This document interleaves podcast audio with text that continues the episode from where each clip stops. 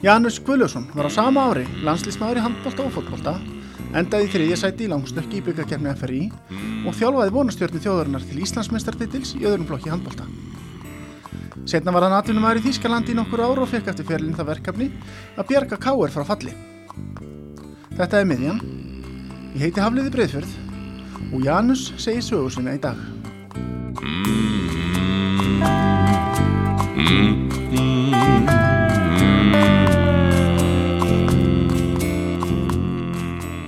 Velkomin Janus, hvað ert þú að gera í dag? Já, takk fyrir. Ég, í dag reik ég mitt eigið fyrirtæki, Janus Heilsuefling, mm. sem er að, með áherslu á að sinna eldri aldurshópum, 65 ára eldri.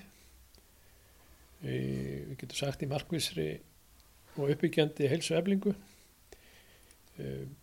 Fyrirtækið er í rauninni sprottið af doktorsverkefni mínu en ég lög doktorsnámi 2014 mm.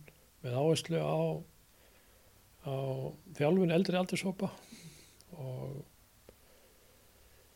við höfum verið ítt um þessu vör fyrst í Reykjanesbæ 2017 svo steg Hafnarfjörður inn 2018 með um 200 einstaklinga og er þegar hefur verið að bætast í hópin sko einstaklingar í þessu við getum sagt heilsueflingar ferli eða prógrami sem við erum með og eru núna einnig í saminu við Vesmanegar, Grindavík og uh, eitt, tvö sveitafjölau í viðbót að fara á stað. Um, það sem ég gerði í doktorsverkefninu var að sína fram á að, að það má bæta helsu eldri aldursópa þrátt fyrir háan aldur með markvissi þjálfun og, og skinsamlegu mataræði. Og þetta hefur skila sér mjög vel og þetta sést kannski best á að við erum að mæla einstaklingana reglulega á sex mánuða fresti. Förum inn með það leiðaljós að þetta er tveggja ára heilseflingaferli með það megin markmið að gera einstaklingin sjálfbæran á eigin hilsu og þar að auki að þú getur á efri árum sint aðtöfnu daglis lífs eins lengi eins þú getur. Getur búið í sjálfstæri búsettu eins lengi eins þú getur og ekki síst að reyna að komi vekk fyrir eða draga úr of snembari innlögn á dalar í hugunaheimili. Um, þjóðin er eldast, við erum að verða, hvað sem okkur líka það betur eða við er, við erum að verða öldrunar samfélag mm. og heilbriðiskerfið mun ekki standa undir þeim kostnaði og er mjög erfitt vik á næstu árum ef við breytum ekki að liti til í skipulagi heilbreyðisjónust og þá fyrst og síðast með heilsutengdar forvarnir að leiðaljósi. Fyrir utan þetta er og hefur verið sínt fram á elendis og við viljum kannski reyna að sína fram á það hér líka að þessu getur fyllt gífulegu spartnaður Ég hef sagt það áður í, í viðtölum að það er dýrt og kostnaðsamt að reka dvalar á hjókunarheimili. Það kostar fyrir einn einstakling um 13-15 miljónir á ári reksturinn. Fyrir utan þá byggingakostnað og annað. Þetta þýðir í rauninni að það má yfirfæra þetta á að vinna með kannski hundrað einstaklinga og ef við náum að senka þessum hundrað um eitt árin á dvalar á hjókunarheimili þá erum við að tala um spartnað fyrir heilbriðiskerfið eða fyrir ríkið um svona 1,5 miljard Mm. og ef við tökum þessa 500 sem við erum með í þjálfun, ég vil að lítið fleiri og náum að senka þeim um eitt ár þá erum við að tala um 6,5 miljardar Mm. þetta er gífulegar upphæðir af ekki fleiri einstaklingum en við þurfum á þessu fjármagn að halda til að líka ekkit síður til þess að skapa eldri borgurum ánægilegt æfikvöld og við sjáum það að e, það er mælingar sem við erum með e, staðlar mælingar fyrir þennan aldursóp eru að sína okkur sko mjög góðan árangur, ekki síst í við sjáum að blóðþrýstingur fólksins er að lækka. Við erum að sjá að þeir sem eru búin að vera hjá okkur lengst eru margir hverja að draga úr livjanótkun, ég að fara af blóðþrýstingslifjanum sínum. Og ekki síður að heilsutengt lífskeiði bara verða betri. Þannig að erum, og þetta er það sem við eigum að stefna að, að því við eigum bara eitt líf og eigum að njóta þess og að búa þannig vel um hnútana ekkert síður fyrir þennan aldursók. Einmitt. Þetta er það sem ég er svona, eru mínar ær og kýri núna. Mm, það sem voru það barndúsa. Við ætlum að tala samt um og út í dag og sitjum hérna á Suðurgötunni hjálpaferðinum og þar byrjuðu kannski lætin. Já, ég, við erum hér stattir í, í, lífs, í álgjöru lífskeiða setri, Mm. Sandi Jó í Hafnafyrði Mm. og ég er alveg upp hér í, við Hamarinn. Mm. á milli Hamarsins og fjörunar, þetta er mitt leiksvæði og hér byrjaði ég að brjóta rúður. Uh, ég voru nú svo skarpir að setja stilla upp mörkunum sko, annað var bílskúsurðin hjá, hjá föðu mínum í laugabúð en hann var kaupmaður og, og þau bæði sáum og rákum maturverslun og á móti var önnur maturverslun en hún var með stór, stóra glugga. Þannig að við hættum að stilla upp mörkunum þegar við vorum búin að brjóta tvær rúður og þær voru svolítið stórar. Voru eftirmálar. Nei, voru engin eftirmálar. Ég held að pappi hafi séðum að, að borga rúðuna en við heldum okkur þá bara við skúrhuruna en það þurfti að skipta um skúrhuruna líka Mm. Þú byrjar bara að æfa formulega hjá FH eða ekki? Jú, ég það er skemmtilega til að úr eldurslugganum heima Mm.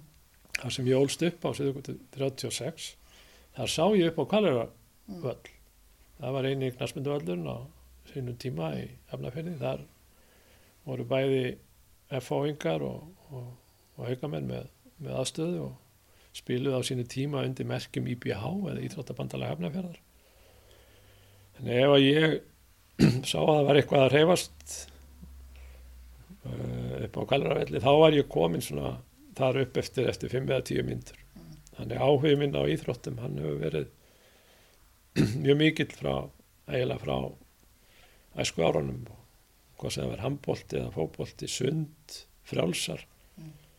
ég reyndi að vera virkur í þeim, í þeim öllum það svolítið á eða ekki? Ég las nú eitthvað um það að þú hafi spilað fyrri háluleik á fótboltaliðið FH en farið í háluleik til að ná handboltaleik á móti haugum.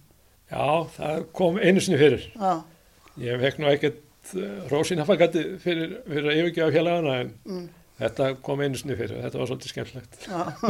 voru, maður ekki sátt við þig? nei, ekki allir Nei. ég held að báði leikindir hafi farið vel þannig að það kom ekki að sög Já, og þarna valdur handboltan er unni framöður. handbóltan Já, í þetta skipti. í þetta skipti sko, en þetta var sko tókstreita hjá mér Mm. til 24 ára aldurs Já, mitt. og það sér maður nú kannski ekki mjög mikið í dag Nei.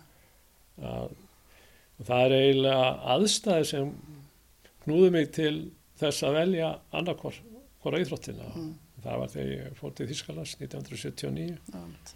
og þá var ég að gera svo vel og setja handbóltan á, Mm. á handbóltaskona á hilluna En þú metnaður vann samt svolítið mikill þetta á úlíksárun. Þú sagði nú eitthvað frá þessum Svo marathónlaupi getur satt mér frá því. Já, marathónhlaupið, Já, hálft marathón. já, Ég var einnig í skátunum ég, uh, á góðar minningar úr skátunum, Mm.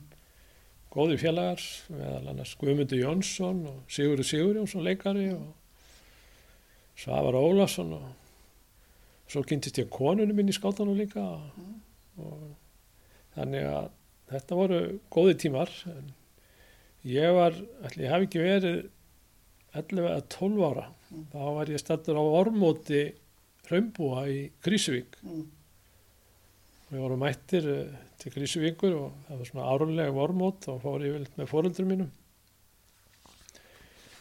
Ef að á sunnudegi var leikur í, á Kalarhálsvelli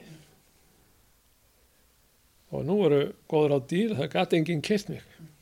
Og ég gæti ekki hugsa mér að missa af leik.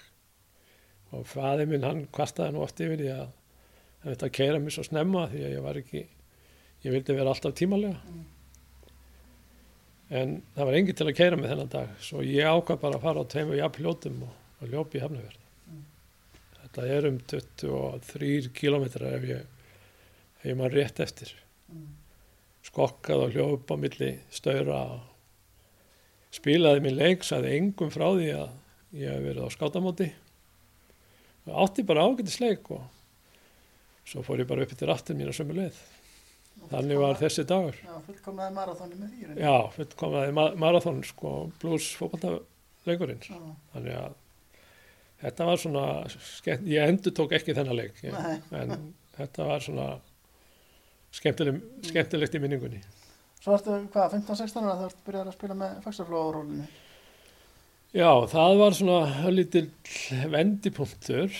Uh, um, þá erum við valdir hérna nokkur í, í, ég getur sagt í úrtak Mm. fyrir fagsarflóa úrvali svo kallað.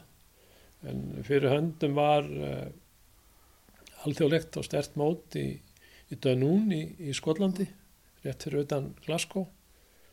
þar sem bæði Glasgow Rangers, Celtic og, og, og fleiri lið voru á ferðinni með sína bestu leikmenn og þetta var uh, mjög skemmtileg reynsla þetta var hvað 71. 71, já rétt þarna voru samankomnir uh, aðbrastleikmenn kannski fyrstan af okkur sko, fyrsta meðaljafninga var uh, Gísli Torfarsson sem því miður er látin Mm. afburða knastmyndumæður og svona máttastólpi á sín tíma í, í Keflavík Mm. Fleiri Gunnar Örd Kristjánsson og Viking, Stefan Halldórsson sem ég hafst kannski einn erfiðasti framherri nokkru sinni að dekka í Mm. gegnum minn feril hér heima Mm. Vikingarnir áttu já, Björn Guðmundsson líka Vikingarnir áttu eh, afskaplega góða leikmenn á þessum tíma Káringarnir líka eh, Otto Guðmundsson Þorvaldur Hörskulsson maður eftir Sverrir í markinu svo voru þarna Grímur Sæmundsen uh, valsmaður Óli, Óli Magg setna mikil félagi og er enn uh, framkvæmdastjóri Íþróttamandans Fallara Mm. og uh, við vorum skólabræður og herbyggisfélagar á laugavatni þannig að þetta var alveg afbörðar gott lið og við unnum þetta mót sem var svona ákveðin vendipunktur um að reyna aðeins meira og að gera betur Mm. og við tekur svo úlinga landslið sem eru mjög eftirminnilegi leikir einnig uh, við, við spilum uh, á þessum tíma eru kannski ekki eins og margi leikir en við, ég held ég færi rétt með að við spilum tvö úrslitamóti í Europakefni Mm. annars vegar í, í Svíþjóð og eins vegar á Ítalíu Mm. Við erum að spila móti feikna sterkum einstaklingum meðal annars á móti englendingum á síðan, sínum tíma Mm. en stóðum okkur bara vel og svona ítti ennþá þessi leikir og húlingarnasliði og ég man sérstaklega eftir einu leik á Melavellin Já. uh, á móti Norður Írum frekar en, jú Liam Brady. Já. aðbúrðamaður hjá Arsenal. Og við töpuðum leiknum úti í uh, Dublin. Það var ekki norður. Uh, fjögur þrjú. En unnum svo heima á meðlæðinu þrjú Já, og komist þar með áfram. Og ég man ég ég segi sjálfur frá, ég skoraði eitt mark já, í þeim leik og þetta var svona liftistöng að komast á tvö Evropamóti í, í, í, í þessum hópi sko. Í- já, í- sko, ég umfyllur blaðana þarna eftir hann leik þá talaðum bara mesti sigur íslenska knastbyrnu. Já, Af því að Írarnir voru með svo margar úr ennsku deltinni og Já, á þessum tíma erum við að sko, erum við að spila móti einstaklingum sem eru með mikla reynslu úr ennsku ekki úrvastildinni en ennsku deildinni Já. á, á þessum tíma og aðbörða menni þó ungir séu Mm. í, í, í sínu liðum. Þannig að þetta var hansi sterkur sigur við sterkur sigur og, og það er kannski mölin hefur kannski hjálpað okkur eitthvað til og, eða þeir vannmetið okkur. Já, en þetta var, var, var og góðu þjálfari ég er nú að minnast á þá. Bæði, ef ég fætti aðeins tilbaka aftur, bæði, þarna voru tveir þjálfari í uh, Gunnar Pétursson, bróður Magga B já, dómara og, og Reyðar Ásarsson mm, valsmaður. Veikna ó, ólíkir en skemmtilegir báðir. Mm, og þarna er svona ákveðin örlagavaldur í mínu knaspinu velli, það er Árni Ágúrsson mm, hann er, hann er skólabróður föðu míns, fættur 1922 mm, blessu sé minnings átnar líka hann, er, hann lest 2008 hann er svona uppasmaður og drifkaftur knastmyndunar í Hafnafyrði já, og svona hægri hönd Albers Guðmundssonar á sínum tíma sem framkvæmtastjóri hjá KSI Já. þá. Og ég ritaði nú uh, mína lokarítgerði í Þróttakennaraskólanum á Laugavatni að luta til á, á loftinu hjá Átna því Átni er fróðlegsfús og, og var bara undan sinni samtíð í þangagangi um hvernig það var að leika snaspinnu. Sáðu að hann, hann þurfti svolítið mikið að verja það sem hann var að gera í fjölmjölum. Já, að mörgu leiti en, en þegar hortið tilbaka þá uh, þá stendst það svolítið þær kröfur sem eru gerðar í dag Mm. og engöngu það að byrja að æfa við æfðum í úlingalandsliðinu og í fagsaflóðurvalinu uh,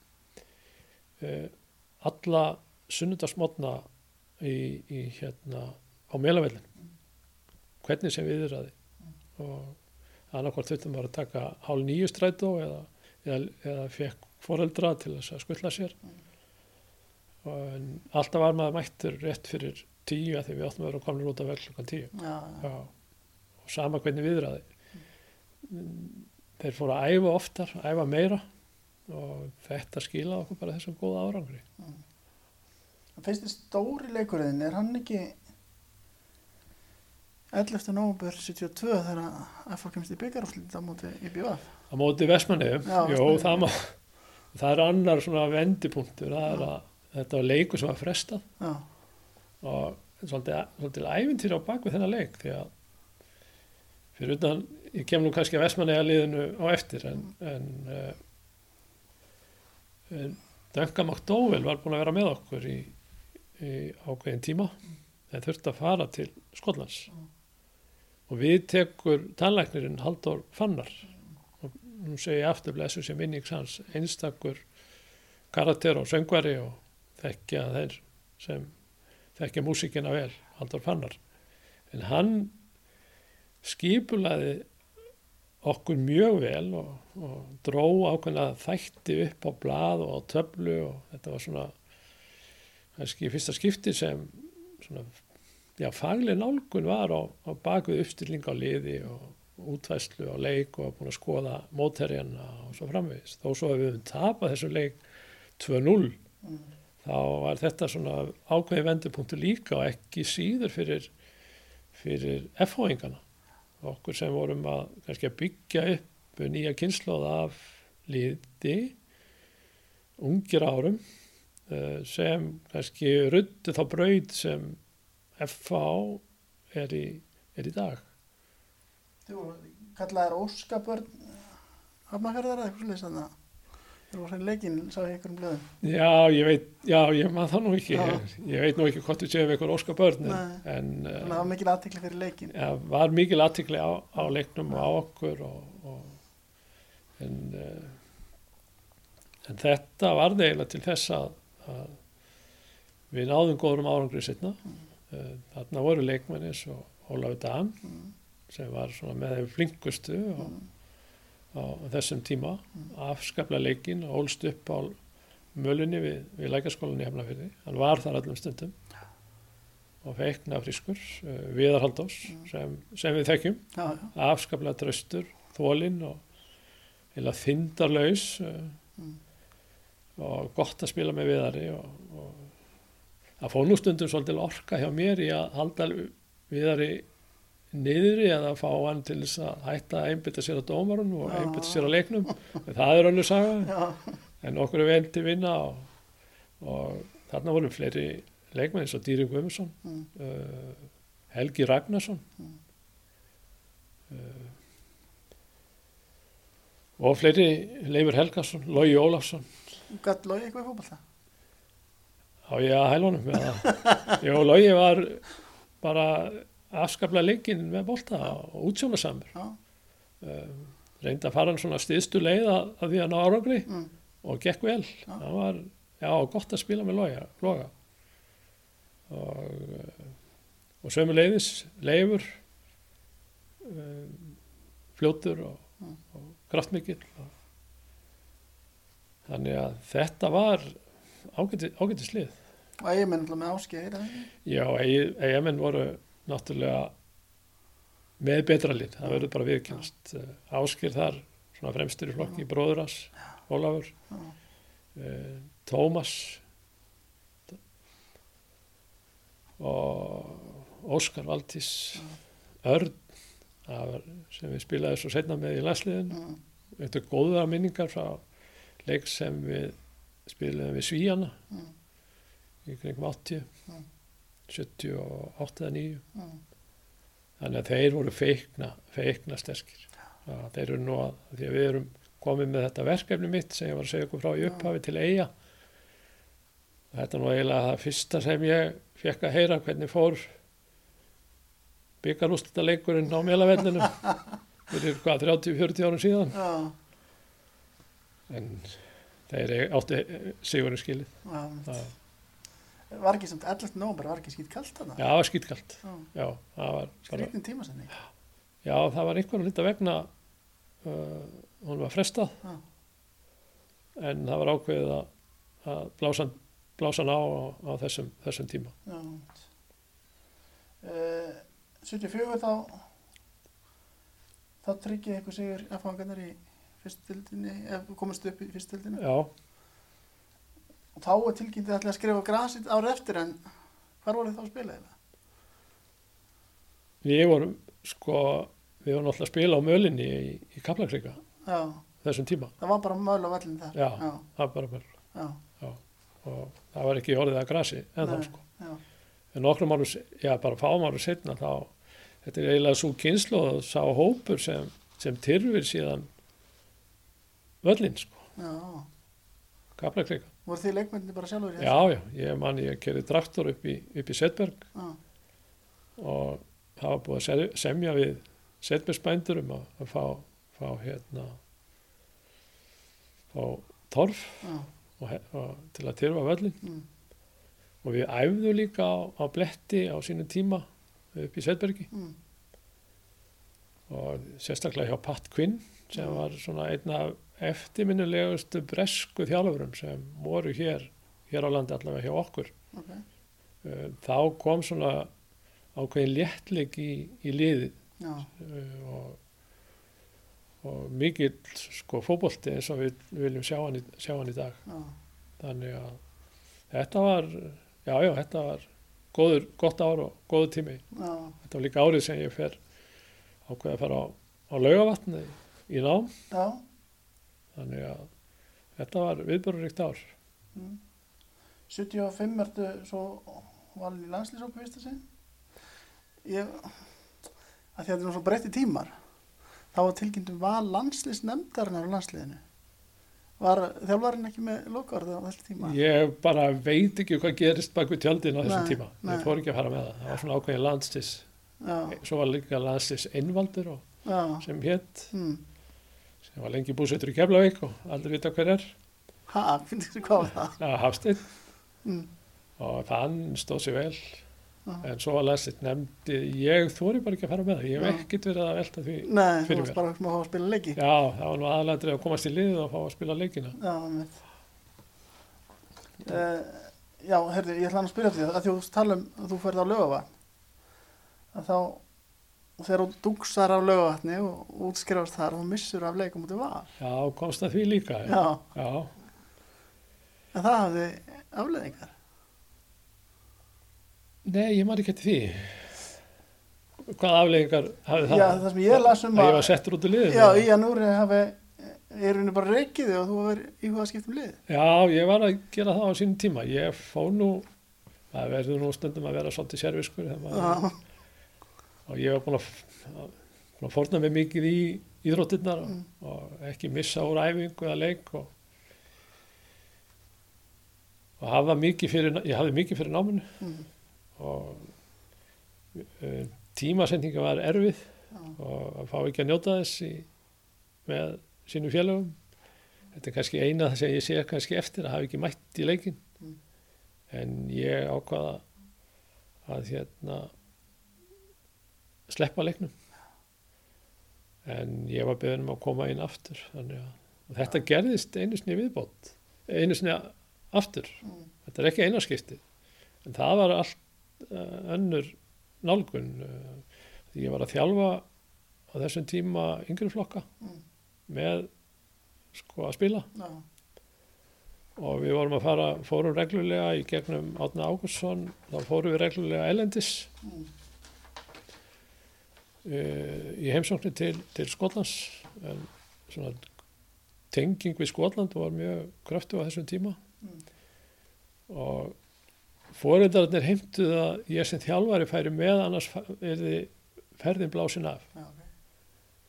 Og það var enga sérstakar ástæðu gefnar út af því en, en að ég var til neittur að fara og sleppa þá einu leiki viðbót mm. en ég held að það hef ekkert komið á sök það var ekki, ekki svona mikið læti kringu það. Nei, nei, nei, nei, það var það ekki. En voru þetta mikið læti eftir, eftir að útskrifaðist þarna? Var Nei, ég- þarna? það fór, það fór eiginlega alveg fram hjá mér. Já, já, já, ég hafði svo mikið að gera og, og um, ég minnir að strákarnir hafi bara komið og sjalla, sjalla já, ekkert, ekkert flókið mál. Nei, að vísu gerist þetta líka í handbólta leik og ég segja frá því? Já, segjum við því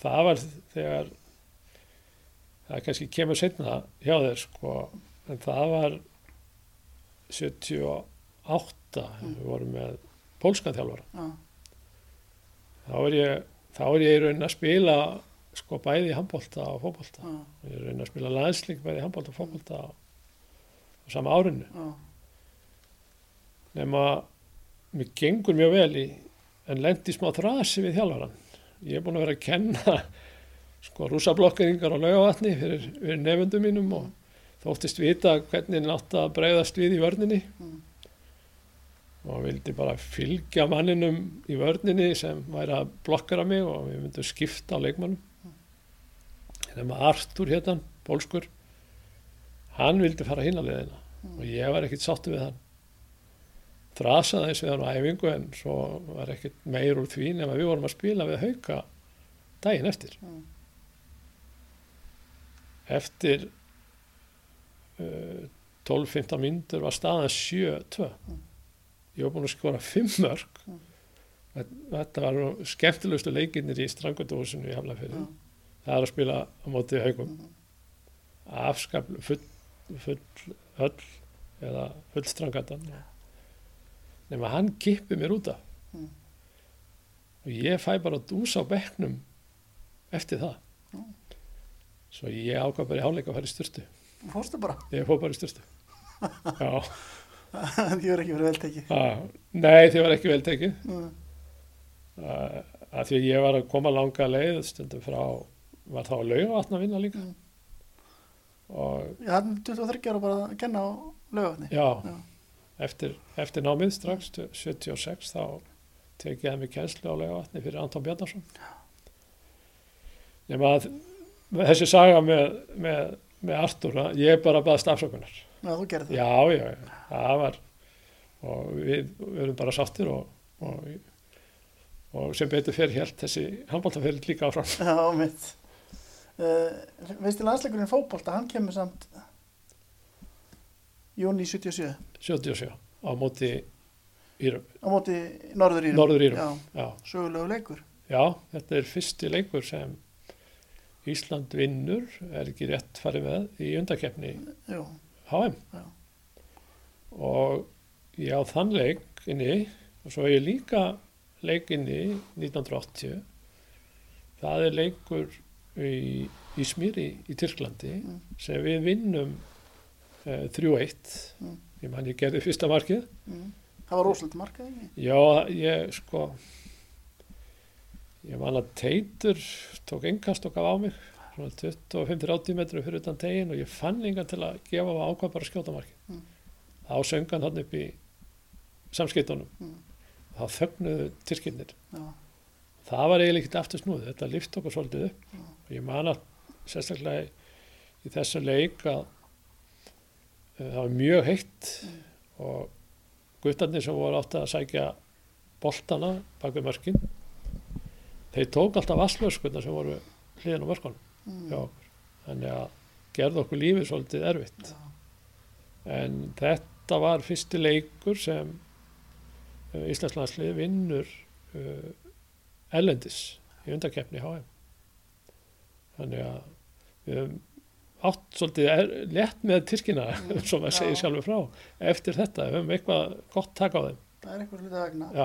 Það, það er nú eiginlega gott afreik að slökkva í áhrundum í Tyrklandi því lætin eru rosalega. það eru já, þau voru þó aldrei eins mikil eins og ég held að þetta hafi verið síðasti landsleikum minn 85 í Sevilla á Spáni Já, þegar Guðmundur Þorbjörnsson skorar við minnir að það verið á 33. mynd mm. Þeir voru búin að spila þá og spiluðu þá tugi leika á þess að tapa í, í Sevilla á. En við töpuðu þessu leik 2-1 Já. en komist í 1-0 og það gjössamlega þagnaði e, stúkan. Sko. Mm.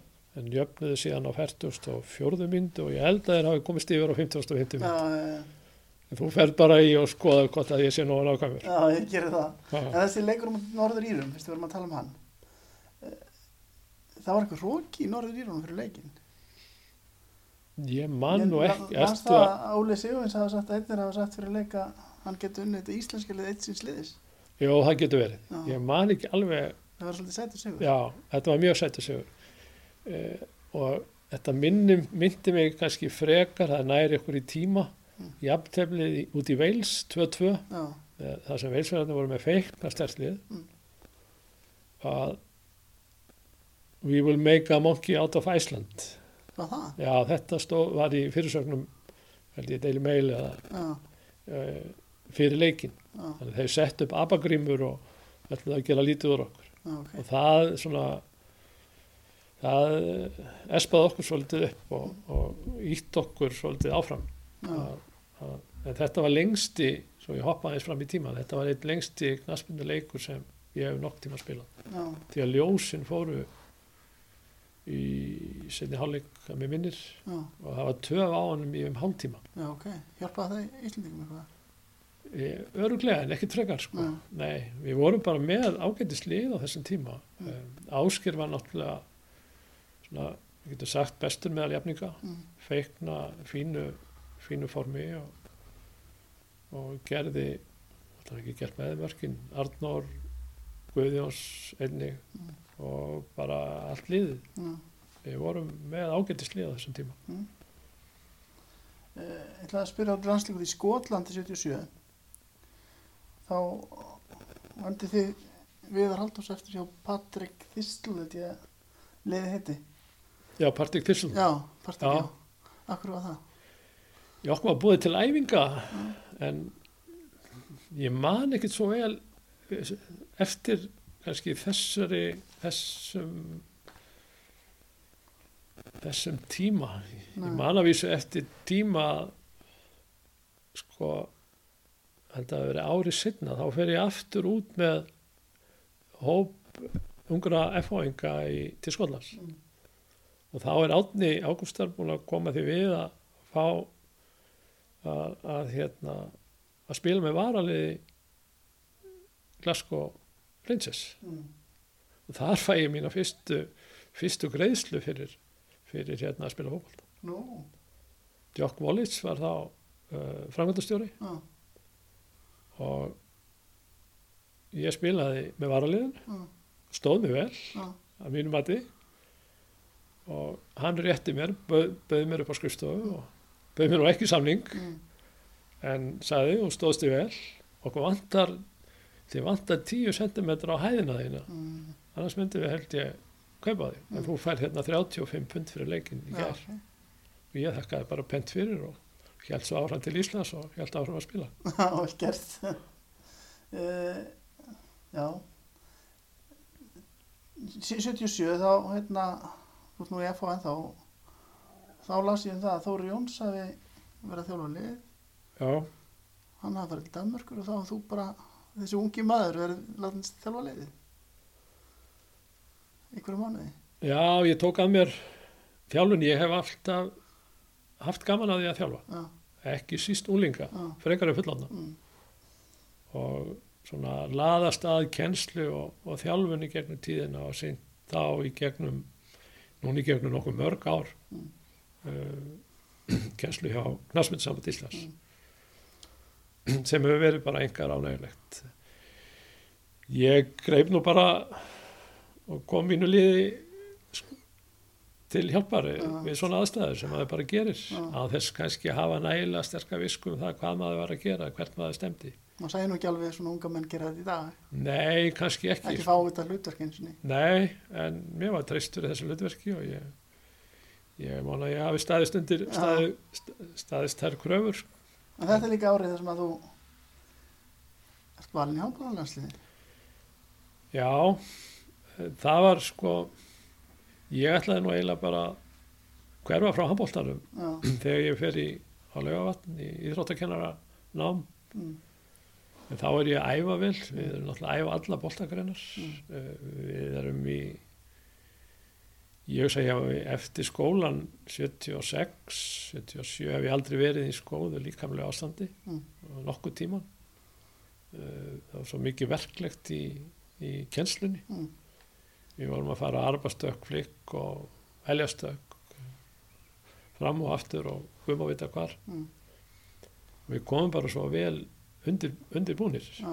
í, í, þetta, í þetta ferli en síðan fer ég að að kenna eins og ég sagði áðan á laugavatni að beðina þegar Anton Bjarnason fer til, fer til Reykjavíkur og ég er að kenna þarna með kennurunum mínum sem ég var nefandi hjá tveimur árum áður. Og ákvað þá að að segja já við því hlutverki að taka mig kennslu. Þetta eru nemar eru miklu vinni mínir í dag Mm. margir hverjir og eru samstagsfólk nema svo kemur handbóltakall þarna 76-77 Mm. þetta er á þeim tíma sem minnir sko Geir Harsnis er að koma heim. Mm.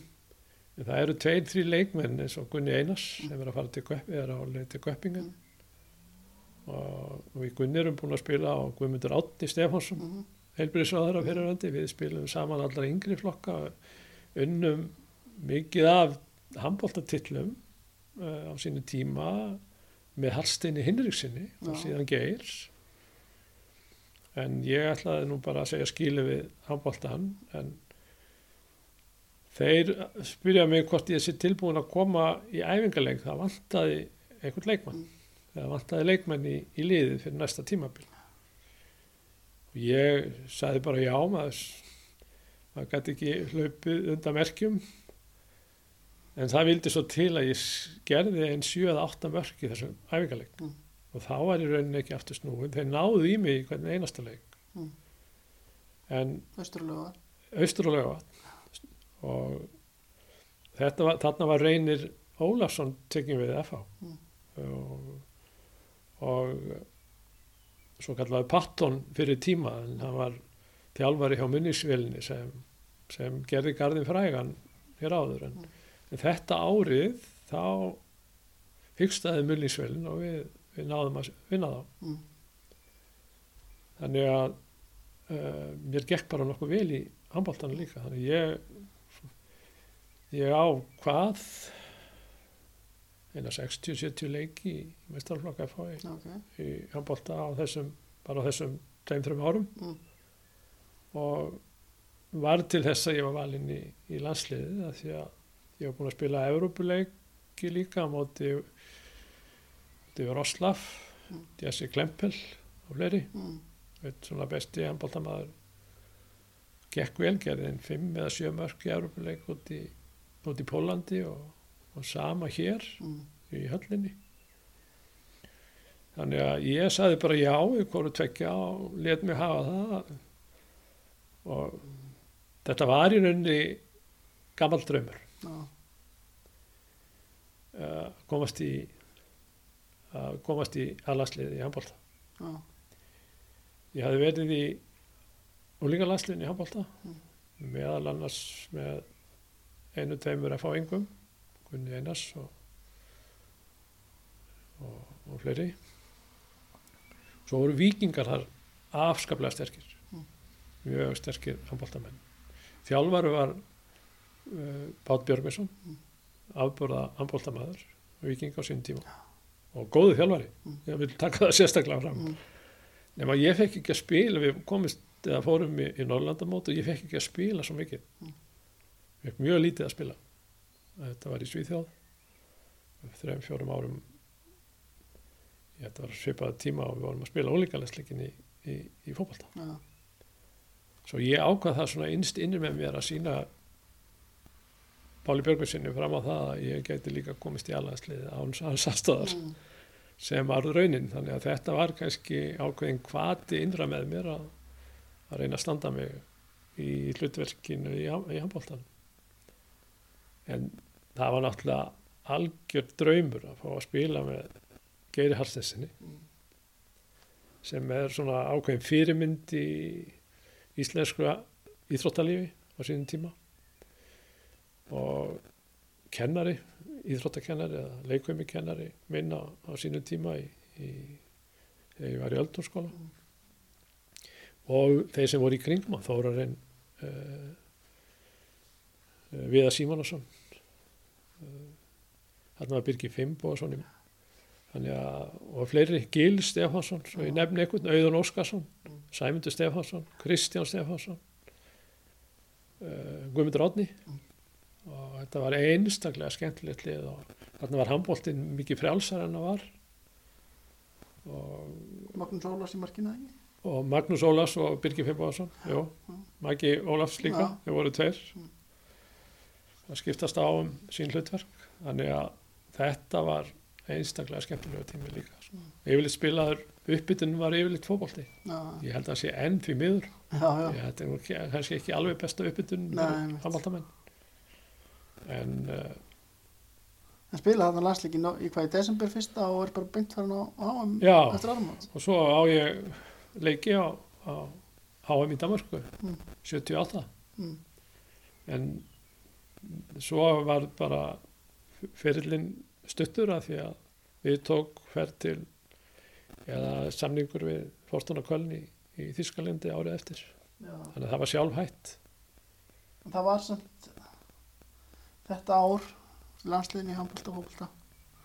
Líkilmaður í FH í báðum greinum og svo þjálfari líka vonastjörnur Íslands í handbóltanum og gerði á Íslandsmyndurum. Já, Kristján Arason og félaga. ég hef alltaf gaman að sérstaklega gaman að þjálfa handbólta líka og uh, þarna kom á, eða þeir báðu mig bara að taka við báðu flokkum, annar og þriðaflokki á þessum tíma þarna voru menn eins og já, Kristján Ara og Hans Guðmunds Valgarður og Móbi og svo ég nefni ykkur nöfn. Mhm, og við æfðum ekki meira en aðris Já, og þá var ég búinn að vera aðeins að stúdera svolítið handbólta ég komst inn í 16 mm uh, sem sagt uh, mynd sem ég skoðaði svolítið á laugavatni með austu þíska uppbyggingu á austu þískum Mm. handbóltamenn og náði þar í nokkuð leikkerfi og, og æfingar Mm. sem ég svo yfirfæði bara á, á, á þessa stráka já, já, Finnur Árnason svo ég nefni líka hjá, Mhm. hjá högum Já, var mjög góður uh, hodnamaður svona sem einhver, svo ég nefni áfram einhver nöfn Mm. En við æfðum saman sem sagt, við æfðum örgulega 5-6 um í viku sem þótti svolítið sérstakt Mm.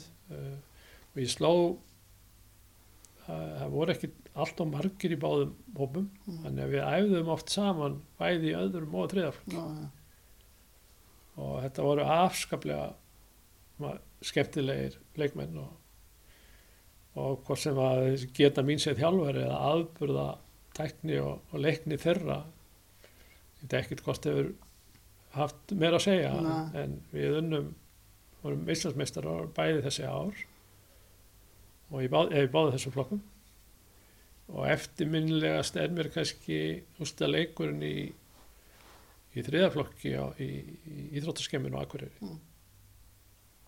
Þar hérna, þar eru við að spila móti feikna sterku káalið. Mm. Þegar maður horfið tilbaka þá eru þarna mennis og Alfred Gíslason og Gunnar Gíslason og, og Ellingur, Mm. við minnir og, og, og fleiri. mm, Og þetta var alveg hörkuleikur. já, En við höfðum það á, á endanum mm, og það var bara ánægilegt og, ekkert síður ánægilegt tíu árum setna þegar ég vissi það og frétti að þjálfari þessa káaliðs Mm. Var ná skildu mér. Mm, uh, Haldur Rapsson uh, fyrirvændi formaður Kolklús Akureyrar og mikill handbólta stjarnar og spilaði meðal annars með haugum á sínum tíma og þótti mjög góður. Mm, Þannig að við höfum ofta rifjað upp þennan, þennan leik, eða ég allavega rifjað þennan leik oft upp þegar ég hitta. já, Þannig að það var ánægilegt og öllu þessu strákum á ég þakki skildar sko og þeir hafa staðið sér náttúrulega vel eins og við þekkjum þeirra ferla, hvað sem er Hans Guimursson eða Kristján Arason eða Þorgis Óttar. Við vitum alveg hvað þeir hafa afreikað. já. Þannig að það var ánægilegt að geta lagt eitthvað loð á vogaskálunar í þeirra ferli.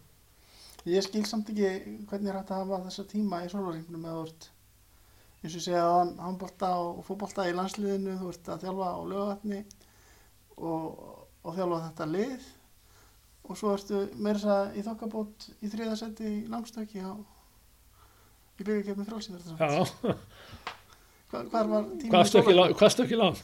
Ég veit það ekki, ég skrifaði ekki hjá mér. Ég held ég hafi náðu sko 7 7.13 í Já, þannig að það var ágætis kraftur í mér sko. ég hef bara verið starfsamur á þessum tíma. Varst Það að svindla svefni ekki- ekkert að svindla svefni eða eitthvað svoleiðis?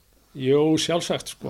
Og konan mín er enn að minna mig á að og Alma landlæknir að hvað svefnin er mikilvægur. Mm. þannig ég er svona farin að hlusta á á konuna aðeins meira nú að setni árin. Já, með þetta. Já, að, að sofa meira en ég hef nú yfirleitt uh, útskýrt það að ég hef svo djúpan og góðan svefna að hérna ég þurfa að sofa kannski eins minna. En Já, það er nú örglega ekki rétt. Mitt Nei, en þetta var, uh, voru skemmtilega ár sko. En hef verið bara virkur í, í starfi gegnum tíðina þannig að ég sá svo sem ekki ég fann fyrir, fyrir þreytu allavega á þessum tíma. Já. En þá þessum tíma þá ertu hins vegar farin að velja aðteglega út fyrir landsteinina. Þá er bæði, er Tóni Napp reyndi að fá þetta viking í stafangri. Já, ég fer til Stafangurs og þeir bjóða mér í rauninni samning Mm. en einhvern veginn ekki nógu góður. Það vantaði eitthvað upp á sem ég fannst og ég hafði líka áhuga á, á náminu að klára námið, já, að eiga eitthvað eftir varðandi eða einhverja mentun til að hlaupa í þegar ferlinu væri lokið þannig að það stóð svona meira til að klára námið ári í færi elendis uh, ég fekk líka á þessum tíma tilbúr frá Kiffen í Finnlandi. Já, uh, að spila bæði handbólt og hófbólta já, bæði, já. já, við, held, við unnum þá fór ég í Európa-keppni með FH í handbólta Mm, þegar við samir á báðum sviðum. Við gekk vel í leiknum í handbóltanum sko. Mm, og þetta við vunnið 29 13 eitthvað svo leiðis Mm. og þá buðið þið með samningum að vera áfram en ég hafnaði, hafnaði tilbúin eh, en svo, svo voru náttúrulega standard lýs og, og, og fleiri liði belgi og þú hefði getað spilað með áskeri lýs já, ég hefði nú kannski getað að spila með áskeri á hans uppafstímum í, í, í Belgíu í gegnum Átna Ágússonar Á- Ágússon Mm. og Albert Guðmundsson sem þá þekktu framkvæmtastjóra og eiganda standard lésar uh, sínu tíma, BT þannig að ég var viku í Belgíu að æfa með standard og lés og og spilaði einn æfingaleik, fekk leiðu til þess að spila með varaliðinu og skoraði í því mark. Þráttur að vera með öftustu mönnum. Mm, og fekk samlýsbóðum að koma til Belgíu. en, Aftur þetta en allt er þegar þrendir. Ég hafnaði þriða tilbúðinu Mm. uh, með það í huga að klára skólan já, og fara í námi. þú varst bara að horfa til Köln. Ah, og horfa til Köln þá að já, ekki, það var ekki alveg komið. Nei. Nei, það, það kom ekki fyrir en í kjölfara á landsleiknum eða landsleikjónu við Sviss. já, Við uh, spilum við Sviss bæði heima og úti. mm, Hvernig er það aftur?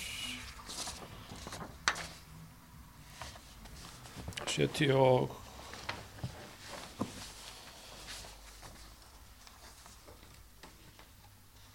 Það er 78 já, ekki rétt. Töpum hér heima 1-2 mhm. Passar. ég jafna árið komin aftur fremst. Mm, og það fældi mitt fyrsta mark í, í, í landsleik. Mm, móti Sviss. Mm.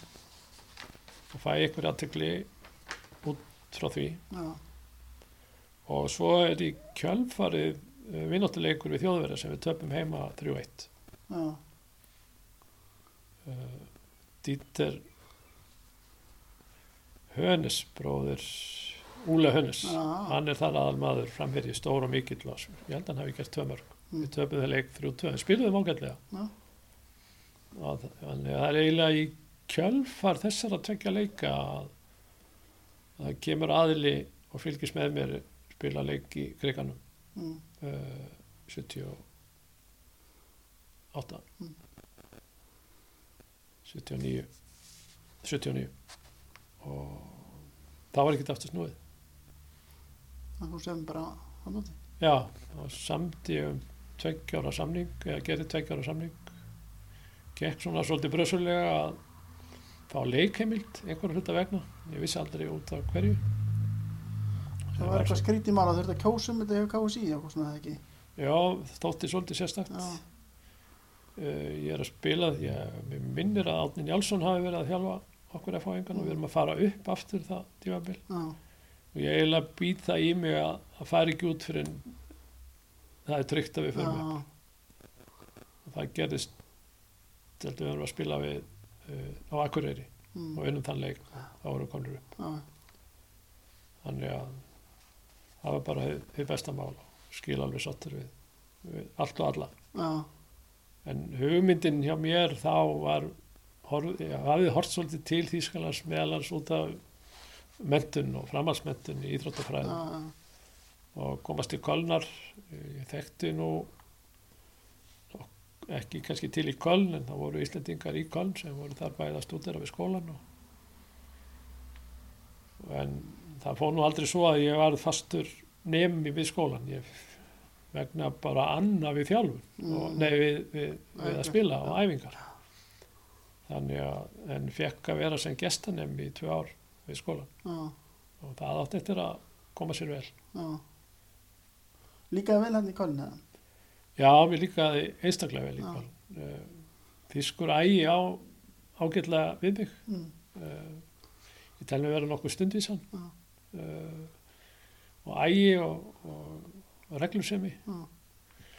þjóðverðin er náttúrulega harður í horn að taka ég held við skulum ekki gleyma því að þessi kynslo sem er að stýra málum á þessum tíma í þjálfun og eigundur félaga eða sem er að reka félaga þetta eru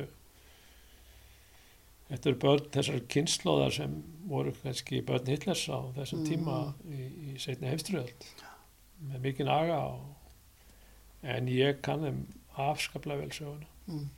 og kannski skemmtileg minning ég eignast góða félaga bæði þar sem ég hef verið þú getur kannski komið inn á Sviss seinna en í Köln líka góða nábúa og, og dóttir mín Lára og, og, og besta vinkona hennar eh, nábúar og fóreldra hennar þannig að eftir bankarhenni 2007 þá fekk ég tvær ringingar ellendis frá Mm.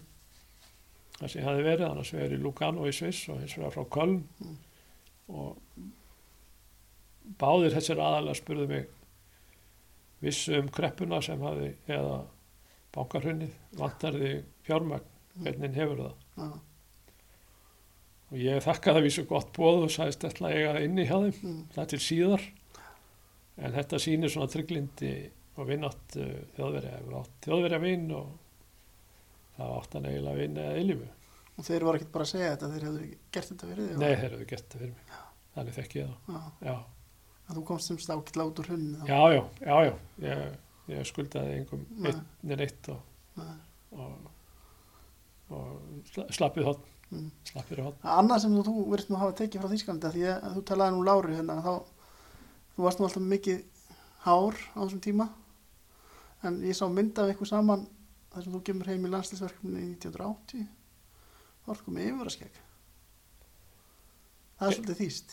Já, þetta er, ég hef kannski dottið inn í þýska menningu, það er mjög mikið að sko, ég held bara flesti leikmenn í liðinu Mm. voru hérna með yfirvarskik Já, og ég var að reyna að fylgja í fótspor þeirra. Mm. Einhvern tíma. Já, hvernig var því tekið og mændum með þetta hérna heim Var þetta kannski hérna þá? Nei, ég held að þetta var alltaf sést, Nei, en uh, ekkert grínast með það nei, nei, ekki, ekki svo ég veiti, sko. Nei. Þannig að og þú hvað þetta eftir þetta ég, já, hvati, hvati yfirvarskik mjög, mjög, mjög snemma, sko. mjög snemma. Já, já. En þegar varst í Þýskalandi þá varst að mála ykkur á myndir og svona Hvað getur sagt mér frá því? Já, þetta komin inn á listina hjá mér. Listamæður Janus Já, ég, 74 þá þetta var nú alltaf blundað í mér svona, móði mín er mjög mjög lungin í að sérstaklega við postulín mm. gaman að því að tekna og, og lita Já. þetta var loðað svolítið við mig eiginlega frá baddaskóla Mm.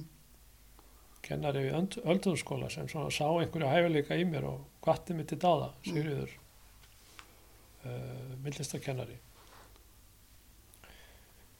og svo tók við skólavera í Flensborg þar sem ég var í aukatímum eða sótti aukatíma hjá Bjarnar Jónssoni listmálara Mm. og kennara og þetta var eiginlega til þess að þegar ég sótt um skólavist á laugavatni 74 þá sótt ég einnig um í handið á myndlistaskóla Mm. og fekk inni á báðum stöðum Mm. En ákvaða að fara á laugavatni í staðin fyrir í handið á myndlistaskóla Mm. uh, ég held þessu áfram þegar ég var í Köln Mm. þá fór ég þá var frítíminn svona aðeins annar og Mm. kannski öllíti meiri. Það ekki einhver að gerist þannig að ég fór í námskeið í, í hérna, portréttekningum og, og málun og svo kom á daginn að þetta fréttist að ég haf verið að mála og eigandi hjá liðinu hann hérna kom til mín og sagði nú er ég að opna tennishöll við vantar 20 málverk Mm. og þá voru góður á dýr En ég stóðst mátið og málaði 20 myndir Mm. og hengdi upp og meðal annars ein af honum sem ég á enn ok, og svo aðra af Tony Schumacher mm. Nei landslis markverið þjóðverið á sínum tíma. Og ég gaf allar myndindar já, já, já, en þetta var svona skemmtilega upplifun. Gafstu það hringað eða já, já, hingað á þóka Var það eitthvað eftir í höllinni en Já, má- vel vera, Já. ég er bara ekki klár. Ekki alveg viss. Þessi sjúmakamend, hún fór við það ekki? Sjúmakar myndi fór við það hún, hún rataði á á, á, á hérna baklið bildzætung í Köln í Þýskalandi. Mm. Og ég á þessa myndi að það sko. Hvernig gerist það? Ha, Hvernig endaði það? já, það var eitthvað sem bara var sólgin í að fá þessa mynd sótti mjög hart að mér að vilja fá hana Mm. og, og blaðamenn komu á, og tóku mynd af af hérna verkum Mm. og ekki síst þessi, þessi mynda sem hann liggur á njánum og er að fagna Já, var það alveg svoleiðsmynd? já, svoleiðis- já. já, svona fótboltamynd Já, já. Þannig Ertu að ertu að mála ennþá í dag? Ég er ennþá að dunda við að mála já, af og til Mm. uh, ég held einu sýningu á Altanesi um, sem var að mála kríur og umhverfi Nú, og er að mála ennþá í dag svona af og til og mér finnst það afskaplega skemmtilegt Já. þetta er svona maður hverfur eiginlega frá frá svona dagsins önn mm. og gleymir sér svolítið í myndlistinni það er Já. gott að í þannig hugrækt já. Já. og er líka gefandi En að fótboltanum aftur, þú skoraði rosa mikið tímbilið 81 þannig, hvernig, já, eftir, eftir fyrsta árið var svolítið bröðsult já, uh, meiðist ég eiginlega fyrsta skipti í minnum ferli, Mm. í aftan í læri Mm.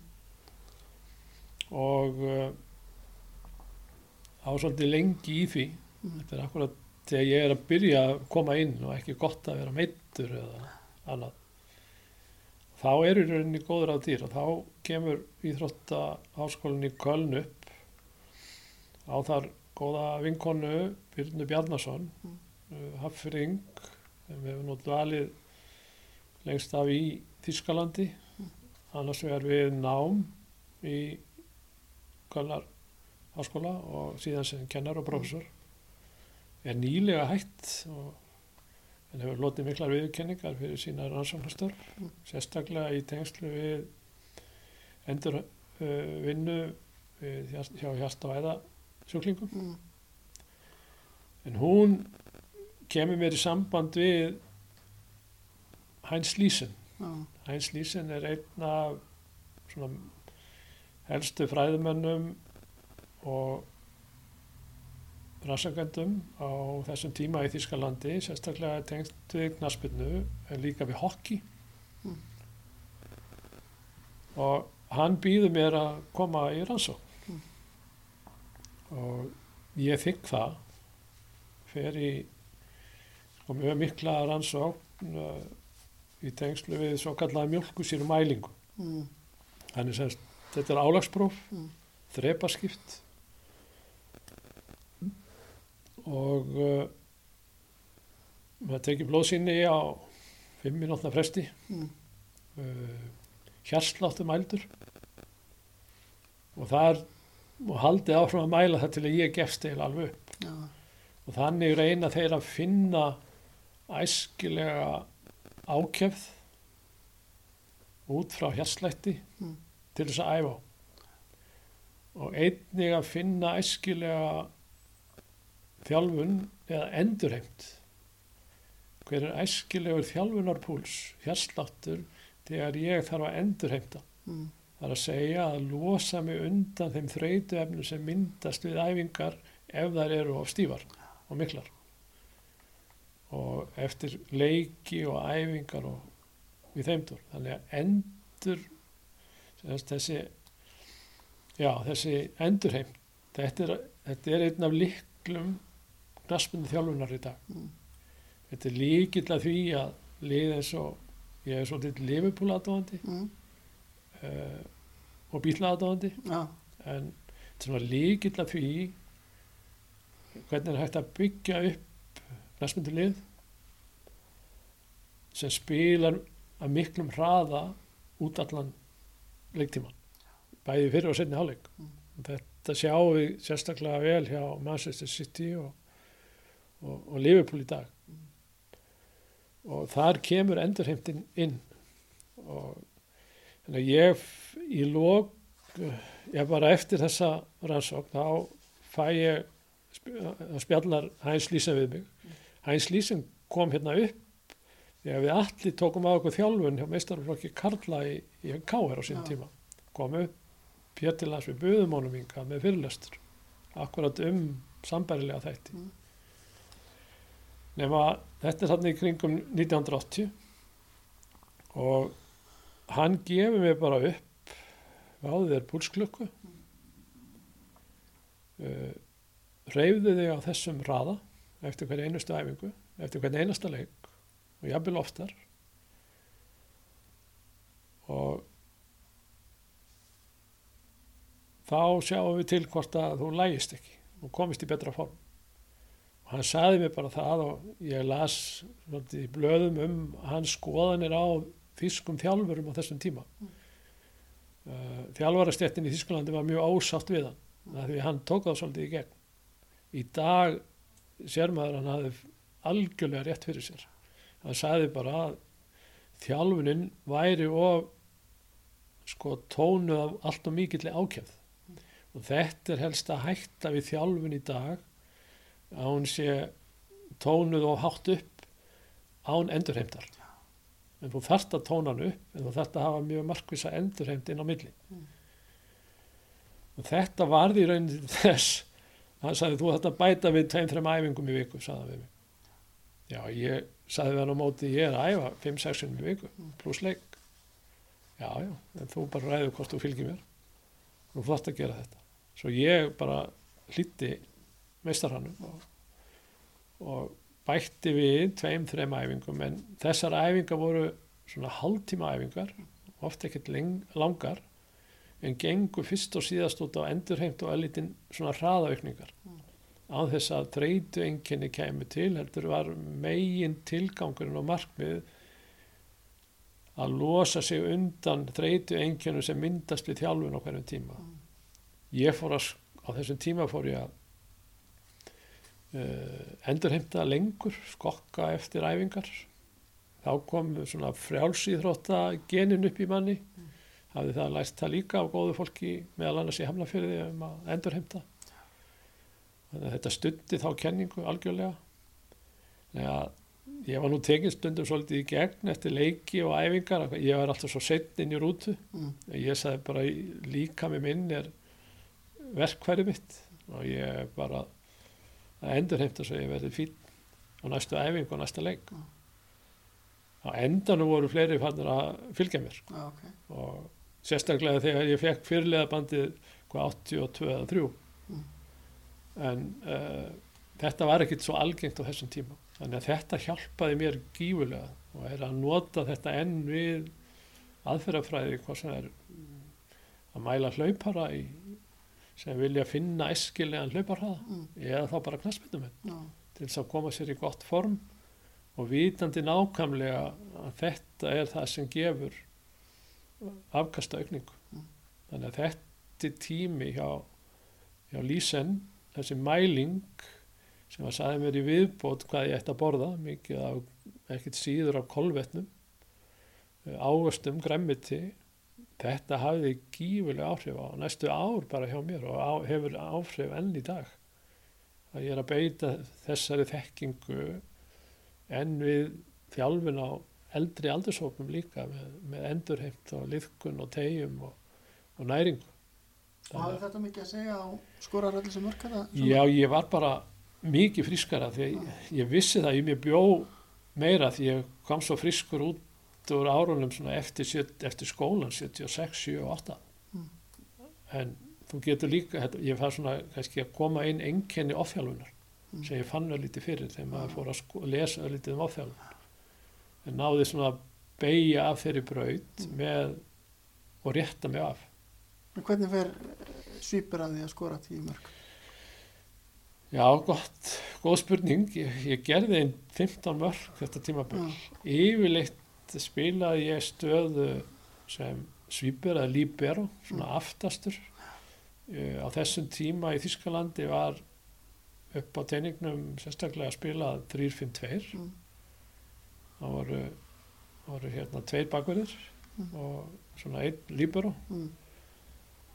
og svo fimm miðjumenn og með væng með kantmenn sem voru stundur sem bakverðir og stundur sem kantmenn mér var gefið svolítið frjálst teimi ég, ég, var, ég var ágætlega hraður líka. Og náði stundum að komast inn í sendingar hjá á miðjunni með því að lesa leikin vel. Mm. og var með feiknar góðum leikmannum líka á miðjunni þannig að ég held bara áfram upp völlin var ekkert að stoppa á miðjunni. Þetta var svona handbóltamæður í, ræðaflum. Já, þetta var í rauninni hraðaflöp og æfingarna voru svolítið tónaðar hvað það varðar það var ákveðin pressa Mm. uh, það var að sækja hratt Mm. og sérstaklega eftir svona hotspyrnur eða aukaspyrnur á okkar vallanlegin Mm. og það gerðist ofta að ég var bara fremstur Mm. uh, í þessum hraðaflöpum sko. Mm. að þá kom handbóltin hérna fyrir fyrir tíma vel til sögunar Já. Já, En eftir þetta tímbil þá, þá langaði þið í búndaslíkunum samt eða ekki? Jó, það var nú áhugavert að komu vissi af tilbúðum bæði frá Borussia München Gladbach og við vorum að spila í annari dildin á þessum tíma og vorum ekkert langt frá að komast upp Mm. og Köln hafði einni áhuga Mm. en ég frétti það síðar að verðið hafi verið svolítið, svolítið hátt Reyndi að fá þig en uh, félagi vildi ekki selja þig. já, það vildi ekki ég vildi þá setja meira, meira á sem Var það svekkjandi að veita því? eftir áhyggja kannski, já en mér leið bara svo vel og fjölskyldunni leið afskaplega vel Mm. uh, uh, annars sonur okkar er fættur í Þískalandi Mm.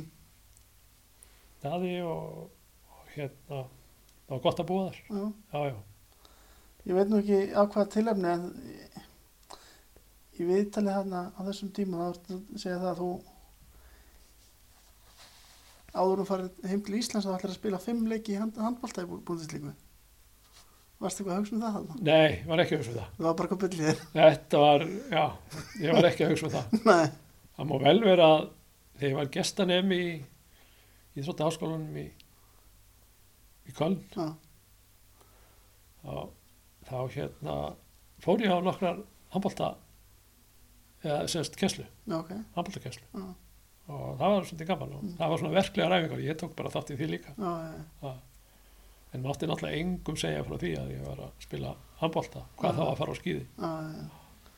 En að því þú varst nú að tala um það áðan, þú var verið að rífa kæft eitthvað hann að eitthvað þjálfara að þú gaggrindir lands, störf landslýstemdar á þessum árum líka. það er, því er ég búin að glema Þeir sem múin að glemma. já, ég er búin að glema því, Nei. Ég ætlaði að spyrja það það það var okkur umfyllin og þú var. Já, nú, nú, veist, nú veistu Þá betur skulum en við ég bara ræða um sko annað. já, 82, þá kemur þú hérna heim og spila með fram á móti hvort með Dösseldorf og svo, svo kemur skemmtilegt verkefni þar sem þú spila með val já, getur þú sagt mér frá því? Dæmi? Já. já okkur, þetta var svolítið skemmtilegt verkefni að fá að spila með val Halldór Einarsson Mm, sá kunni valsmaður, mm, Hensson mm, hafði samband, samband við mig og hvort ég væri tilbúin að sjást einhverju fleiri valsmenn, hvort ég væri tilbúin að koma í sumarleifinu mm, hingað upp og, og spila uh, vináttuleik með val á móti eða með úrvarsliði mm, á móti val. Mm. og ég sagði náttúrulega bara já og spurði, hann spurði einni hvort ég gæti haft einni eða tvo með mér úr liðinu.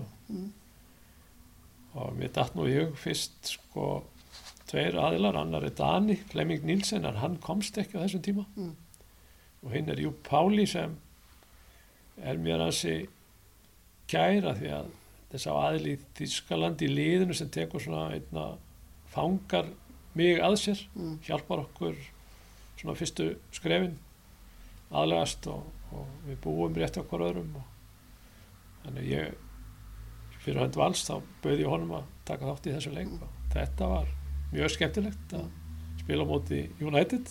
Já, hvað, breytist þetta allt í nú bara í miður ferðilega anstæðingurum væri mannstur nettið, það stóð það alltaf til eða? já, nú þekki ég það ekki. Nei, þekki ég það ekki. Nei, en ég var bara eftir því að ég er einn að fá Íslendingar sem hefur skorað á móti United. Já, Var ekki gaman það var bara feikna skemmtilegt Já. já, svona létt og góður andi yfir þessu leik Já.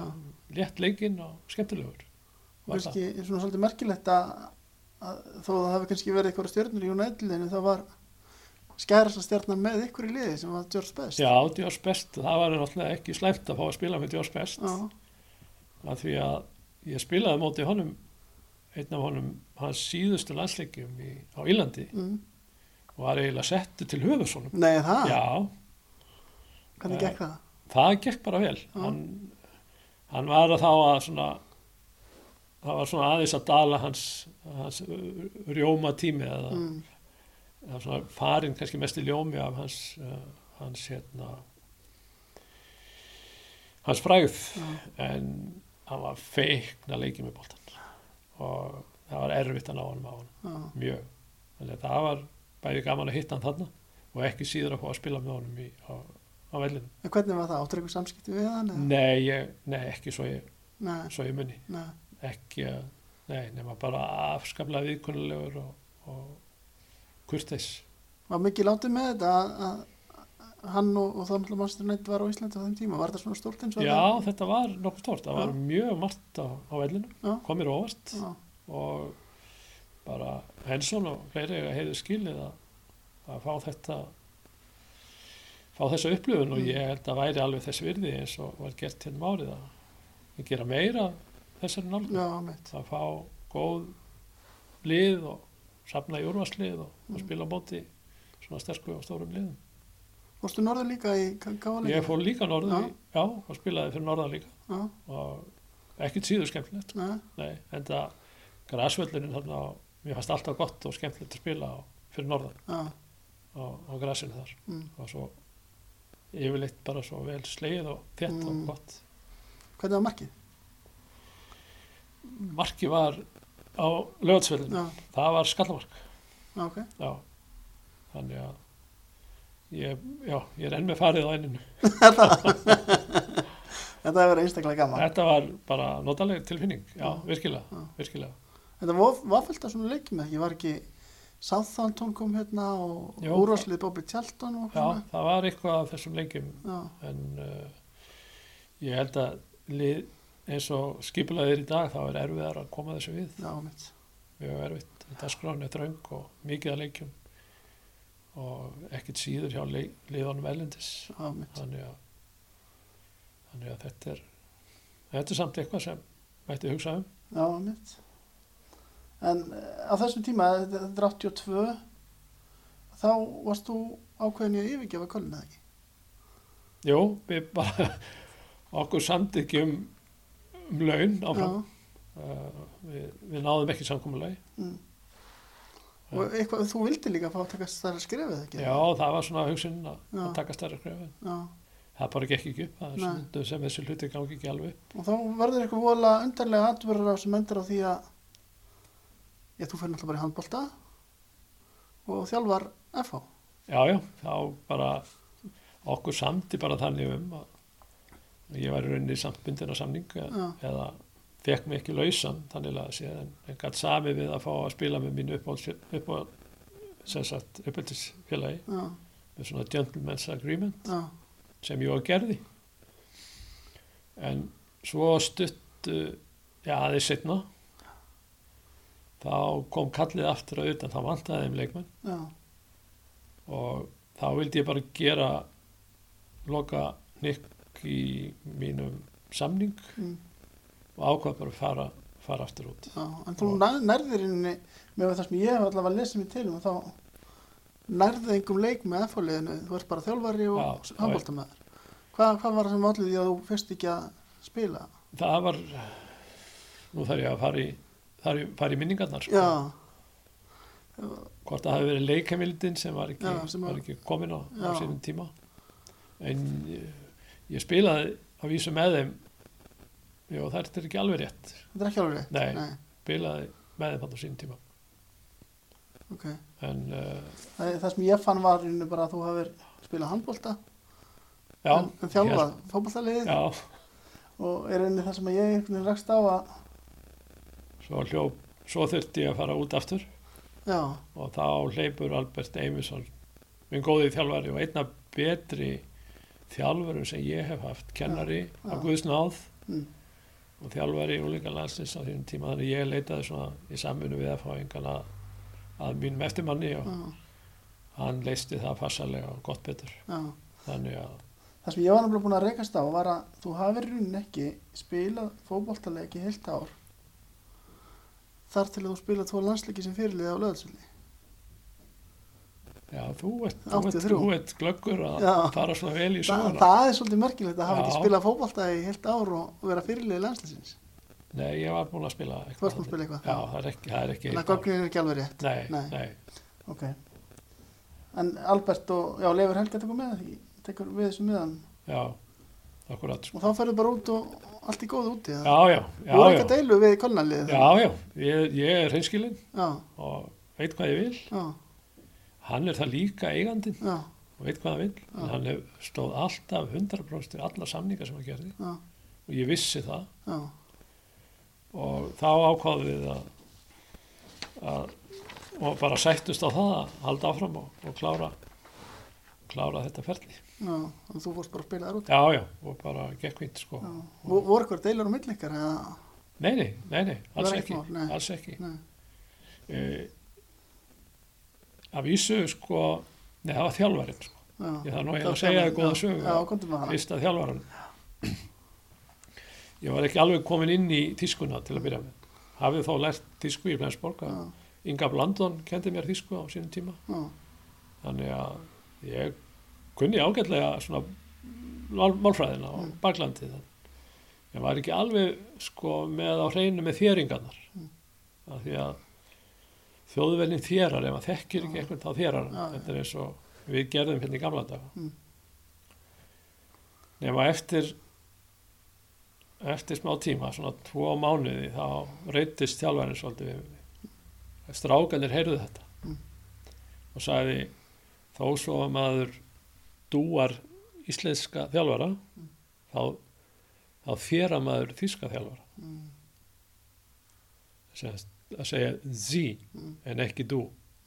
Það semst að þéra það var eitthvað sko já, það var eitthvað önur út í mig.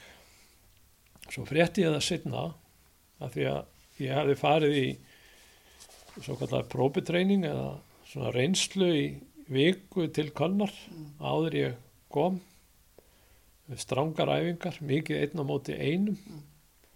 uh, bestu menn liðsins voru á ferðinni. Þau gerðu þetta tvo dag í röð. Hinn daginn kom annar aðili sem þjálfarin vildi fá inn fyrir mig. Mm, eða frekar fá en að fá mig inn í liði mm, svo var ekki og þeir sögðu mér þetta strákanir setna Mm. hafði engan áhrif láttu þetta ekki hafa áhrif á þig. Hann lætur bara svona að því hann fekk ekki vilja sínu framgengt með að fá annan leikmann en vildi ekki þig. Já, af því að viðkomandi hafið þið ekki staðið sig eins vel. Mm. en strákanir þeir, þetta var svona svolítið fjölskyldu tengdur klubur mm, miklir félagar og vinir og þjálfarin, nei, eigandi leitað oft til leikmannana um álít og þeir gáfu mér mikið betri engun fyrir semst, minn tíma þetta er nokkuð tíman hinn. Já, en þeir sögðu mér að þjálfarin hefði fengið eitthvað fyrir sinn snúð hefði hann komið þessum leikmanni að. Mm, þannig var því rauninu okkar, okkar hlutskipti. En ég held bara áfram að minn mínust, riki mm, en þú þurftir að harka oft að þér ímislegt á uppafsáran já, uh, berjast fyrir þínu. Mm, og þetta var engin dans svo sem að rósum sko. Ok, og eiginlega ekki fyrir þú varst farin að svona kunna málið aðeins og, og segja þeim til syndana já, og lest að hafa það því ég var í góðu formi og ég leta ekkert kom, komast upp með eitt en eitt að þá varst fórst að fá þessa viðurkenningu sem oft þarf til þess að skara fram úr sko. Mm. og vera samþyktur í raunin á hópnum. Mm. Þannig er það nú oft sko. þannig að en við eigandan nei ekkert nema gott um það að segja Mm. sko. en hann hann átti til í að reyka þjálfara í hálfleik sko. Nei, ger, gerðist já, ég held að Tóni Sjúmakker sem var svo þjálfari hjá hann hann var reikin í hálfleik Já. Já, en ok. það var eftir mína daga Hann verið svona skröldlegur, kannski. já, hann var, hann var hörsku tól Já, og þetta var fyrirhandi boksari sko líka já, ok. já, Ég ætlaði að spyrja út í atvik sem að ég las um og ég, ég veit nú ekki hvort þú munir eftir þessu. Með, hérna, farangúrskemsluna á rútuna hjá okkur. nei, er það að segja mér eitthvað sem ég hef gleymt Já, hún-? Hún hafi bilað þarna og í tvíganga að þið verið að hlaupa eftir hraðabröttinni með, eftir töskunum ykkar. nei, maður það ekki nei, Ok, þetta, þetta las ég um því ég var að aðeins að kynna með fyrirliðin. já, en, en, ok en, það er eins og einn saga sem þú getur sagt mér. Það er þessi með lögreglumhundin. já, þegar ég fór í hundana Já, þegar þú fóst í hundana fókstaflega. Svo er mér nú frá því og hvernig það gerðist og eftir mál. þetta var, já, já, það hefur ímislegt gest á löngu ferli Mm. Eh, þetta var leikur við minnir 70 og- nei, hérna 85, 85, 4 að 5 já, februar 85. þá vorum við að spila í Essen Mm. mótið Rótvæs Essen Já. og bara eins og gengur og gerist hitta upp og allt saman Mm. og ég fer að ná í bolta bak við markið og allt í, allt í einu áður ég veit af er komið seffir hundur með, með gínið í lærið á mér Mm. og ég kasta mér náttúrulega strax niður þannig að ég slepp nokkuð vel en er með þrjár svona þrjú tannaför Mm. í lærinu á mér sko.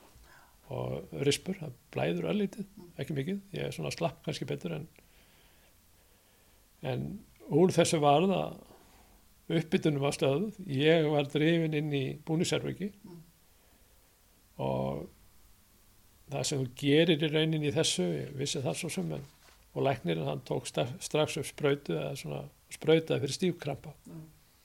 sem er nöðsilegt ef hann nú fáir ekki sýkingu eða, eða, eða annað í þetta.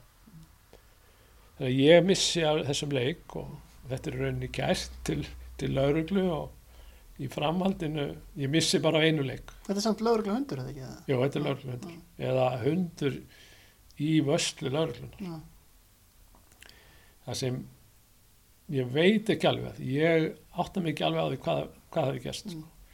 Að viðkomandi, þegar ég er að ná í boltan þá er sjálfsagt hundurinn svona hrifin af boltanum líka. Mm, og, og ræðist á mig og reynir að taka boltan af mér. Mm, og sjálfsagt eigandi hundsins eða gæslumadurinn eða lauruglan hún tapar hundinu svolítið frá sér. Já, uh, ég fyr, þarf að mæta í rétt í Frankfurt. Mm. uh, tveim, þreim vikum setna mm, því þeir bara kæra málið í félagið og vilja reyna að fá hann okkur úslitin breytt, úslitin breytt að leikin endur tekin hann tapaðist Mm. þrjú tvö að með minnir Mm. en uh, svo var ekki hann ja, málið var bara látið niður falla mm. Hvað gekk eiginlega á í svona rétturöldum?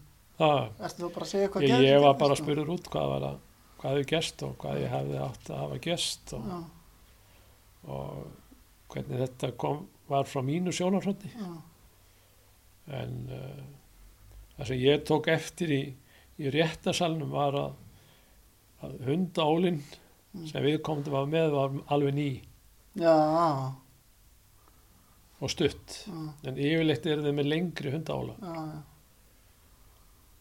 Verða að laga til þarna. Já, ég hafði í rauninni ekkert um, um það að segja. En Þú vildir hvað þúsund mörg í, er ekki ég sem slíkur Nei, það bara? var það mikill peningur á þessum tíma? það var dágóð, dágóð peningur Já.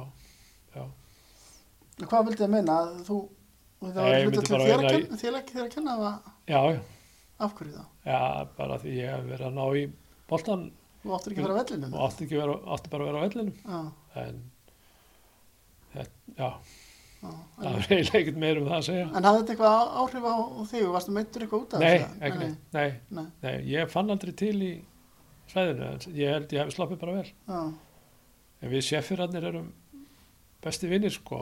Það var svolítið skemmtilegt að ég er með fyrst þjálfarapróf Já. í knarspjörnu, tók það eftir að ferlinu laug Mm. í Hennef.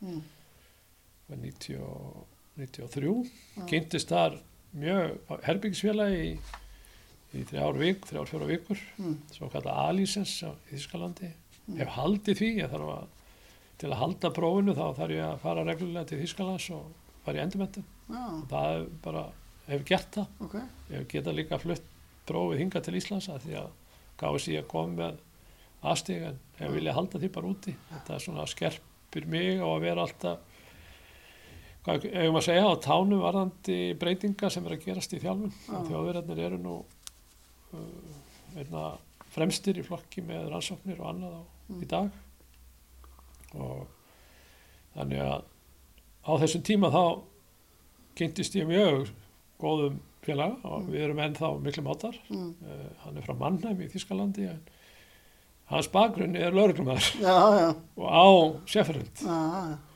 Þannig að ég höfum svolítið til að byrja með þá var alltaf Sefferundu við liðin á mér Varstu hrættur Þannig að- það? nei, nei, nei, nei, við erum bara vorum fínu vinnir Þetta voru ekki skilaninn svoleiðis? nei, Nei. nei, nei, En þetta er þetta síðasta tímabil í Köln, þú hættir eftir þetta og já, hvað fórstu ekki bara heim þá eða?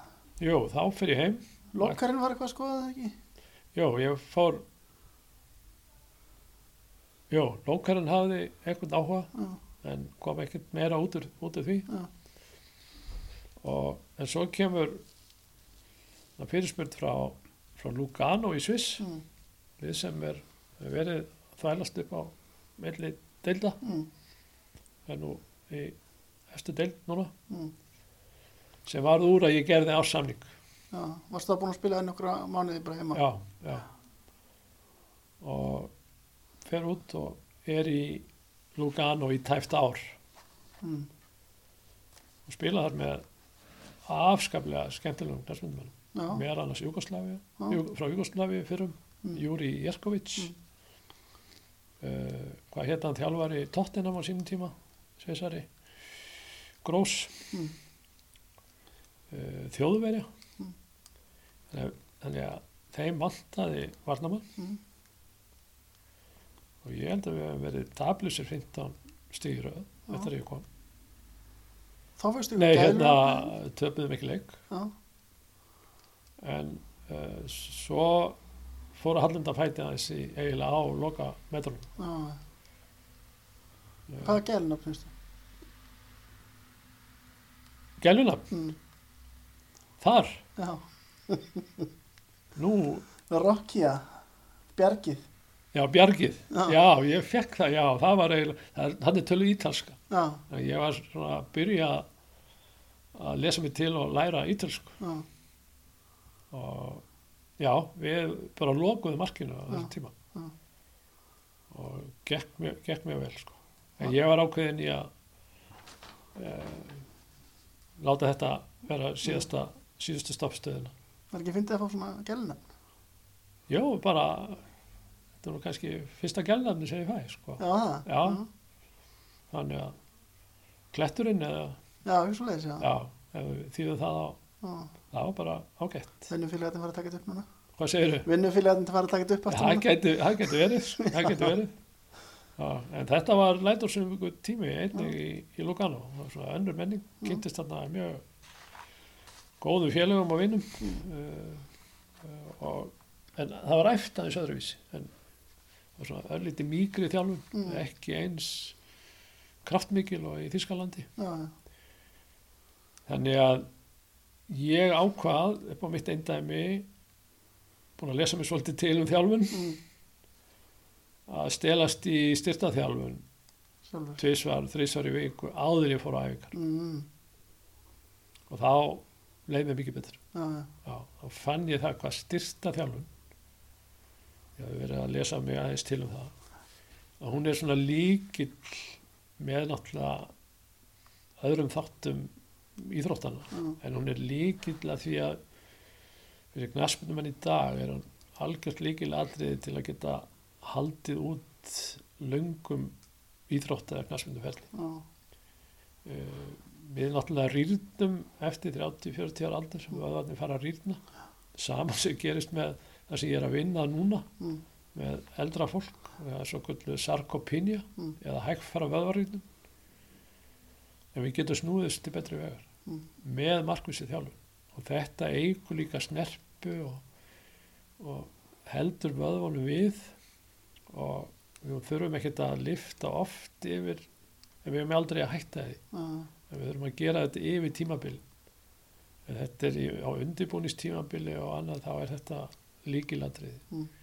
það er til að halda bara vöðvunum frískum en ekkert síður til þess að koma í veg fyrir vöðvarýrnum og þá þurfum við bæðið að hugsa um og ekki sama hvernig þú gerir eða liftir bæðið að lifta lóðum en svo getur þetta orðið sérhæf knaspinu þjálfun mm, á ymsum toga. Það er eiginlega þetta sem er að skila sko ferli knaspunumans hann er orðið lengri þessi ferill knaspunumans hann er orðið lengri. Já, og það er að hluta til að þakka bættri bættri þekking í þjálfun íþróttamassins þannig að ég bara reyndi þetta upp á minna eigin spýtur og mér fannst ég líða mikið betur og var mikið frískari þannig að, að ég hefði svona ýmislegt upp úr duelminni mm. fyrir utan að kynast eh, góðu og skemmtilegu fólki. En af hverju fórstu svo í fram?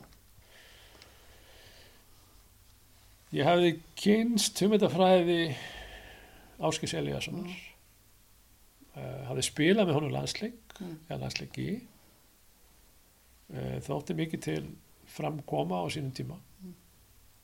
og þeir höfðu bara vissu að ég var á heimleið Mm. og höfðu samband við mig hvort ég hefði áhuga Mm. og ég sagði bara já eh, þarna voru við vorum með gífulega stert lið og skemmtilegt lið voru að spila þá knaspinu sem ég þekkt til Þískalandi, halda bolta innan liðs. Kannski það eina sem vant á þessum tíma að meiri hraði mm. en afskaplega flottir og góðir knaspinnumenn mm, ef ég nefni það eitthvað, Guðmundur Torfa. Mm. uh, og nafni hans og, og Pétur Ámslef Birgir Kristis uh, Pétur Þorsteinn fleiri þannig að þetta var bara draumi fyrir mig að fá að halda áfram svona þessum takti Mm. og spila mig fram Já. Já, þannig að bara mér er mjög vel til fram og, og ekki síst uh, aðferða áskis Já, í að þjálfa. Mikil fótbolti Mm. og allt gert yfirleitt í gegnum fótboltan. Mm. Þannig að það var bara unnun að fá að taka þátt í því á þessum stuttan tíma. þetta voru, já, hvað, tvö ár sem þú ert þarna, Já, ekki? 87 í ágúst, þá var þetta, já, þá lendur nú bara hans ítla í Þorvaldi Örlusinni. já, já, svona eins og ég sagði það nú eins og að fá nýfstung í bakið, sko. Já, hvað, Það hann tæk, bara- það bara tæklaði rætt af frá já, og fór illa í öklanum já, en brotnaði ekki að neitt annað. nei, En Ég var alltaf lengi frá til þess að, hvað, þú varst rosa reyður, já, ég var bara, lengi eftir á það já, ég var bara hundfull, Já, af því þetta var ómanniskilegt hans mér á þessum tíma. Að ganga svona hart og bolt, bolti var í, það var engungu verið að sækja fótinn á mér, mm, af því bolti var í, í skjóli við fætunar, já, hann var bara að klippa það niður. bara, já, bara aftanfrá. Já, Ég hafði enga möguleika til að hoppa upp úr af því ég sá hann ekki. mm. Og dómarinn dæmdi ekki neitt á atviki. Nú, það ekki? Nei, fyrir utan það. Þannig ég var hundreður út í dómara líka. Já, Eða hundfull. já, En þetta er bara líf íþróttamannsins og já. maður verður bara taka því eins og hverju öðru hundspiti. Já, heyrður í Þorvaldi eitthvað eftir þetta? Nei, Nei. það heiti bróðir hans því að spilaði með honum. spilaði alltaf með honum, Já, Ármari. já, Því þú varst svolítið svona harðorður í fjölmjölum eftir þetta. já, þetta var bara illa að mér vegið, fannst mér. Já, En kann Þorvaldi alls gott og, sko honum, honum velfarnaðar. mér fannst svona eins og, ef ég lesa eins úr ömmulam eftir þetta frá þér, þetta er raun eins og, eins og hann nýfi bakið, að tvennu ítlu er skárri kostur að sjá andlit mannsins sem fremur út af þið. Já, ég segi sko, þú, þú átt á möguleik, þetta er svona eins og, þetta er eins og að veiða lags Mm. í netið á flugu, Mm. að hann á alltaf möguleika að sleppa á yfir fluguna Mm. Ef vera fangaður í netið, að því að átti sig ekki á því Já. og þá hefði ég kannski átt tækifæri til að hoppa upp úr teklingu sem ég vissi þess á aldrei. Já. En þetta er svo langt síðan að við erum ekkert að erfa þetta. Nei, en heldur þetta að verið svona úslita ákvörðunum endaloka ferlinn? Þú verður þarna í F árið eftir og hættir svo. Já, bara ferillan orðin ágættur, ég slepp vel við meðsli gegnum árin verði ég að segja og 7, 9, 13 með það. Hvaða meðsli fyrst voru þessu tekníku? E, já, bara böndið fór illa. Já, En, eftir aðgerð og nei, engin aðgerð, Nei. bara let, ég sjáði mig sjálfur, Já, já, bara þrýstingur og kæling og meiri þrýstingur og ok. fætundir hátt upp, en þetta var svolítið langur tími til að hefna sig. Og varstu þá, þú varst Ollin síðast árið þannig í já, Hafnarfirðinum, já, Já. En hefði ég kannski haldið áfram með styrtaþjálfun, Mm. eða hún komið fyrr til í ferlinn, Já, þá hefði ég spilað sjálfsagt lengur. já. En það voru svona önnur áhugamál sem komu upp og kannski komið tími til að gefa öðru í lífinu tækifæri en, en, en knæspindinni. En fótboltinn er ekki hættur þó að, að þú fyrst nú rísa verkefni, hvað verður þú ert yfir, þegar það er yngri flokka hjá Káar eða ekki, 91. Jú, ég hef nú alltaf haldið við þjálfunina Mm. og káringandi byrði mér að koma í þjálfun og, Já, og vinna með vinna með þjálfarana, já, uh, vinna með handbækur, mm, skipulag, Já. aftur ég er komin í þýst skipulag, já, ég hef fyllt mér alla götu síðan. Já, og að þjálfa einni annarflokki káar. Uh,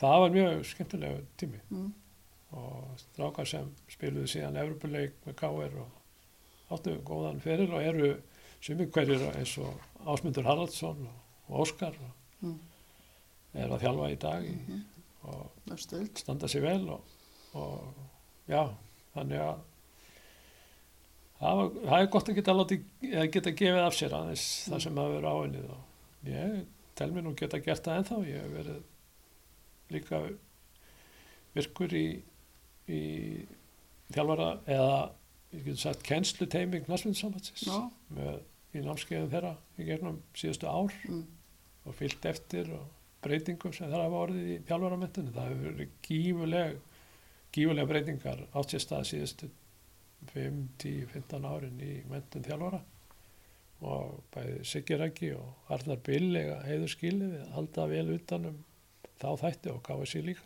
er þetta að vinna með þeim? Já, ég er, ég er ennþá, ef ég hef tíma, þá er ég kallaður til, uh, hef kannski ítt í örlíti frá mér vegna bara anna í mínu starfi, en uh, hef verið að sinna sko kennslustörfum með þeim í þjálfaramentun á ASTI Mm, og þá farið til Danmörkur uh, á árlega með hóp sem er þá að ljúka efstu þjálfaramentun eða ASTI hér á landi.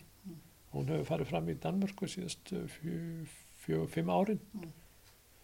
Verið vel skipulöð og, og gengið vel og ég er þar með svona, sé, hef séð um uh, þátt sem heitir sko þrepaskipt þjálfun Mm. svona super compensation eða hámars þóknun þjálfunar. Hvernig, hvernig er æskilegt að skipleggja þjálfun með tilliti til íslenskra aðstæðna og íslensk sko leikja fyrirkomulags og reyna hámarka getu í þjálfun með góðri skipulegning og þá kemur náttúrulega inn þessi, þessi bakgrunnu sem ég hef ekki síst þjálfuna lífeylisfræðilegur en einni sérhæfður að því þú þarft að sérhæfa alla þjálfun inn í greinina sem þú ert að vinna með og í dag tölum við þá sérstaklega um sko sérhæfða knaspinu þjálfun það er sérhæfð knaspinu þól og styrkur og hraði en það er eitt sem og eiginlega spyrja þig sko það er eitt sem knaspinan hefur og þjálfarar þurfa að glíma við sem aðrar uh, hópíþróttir hafa ekki. Mm.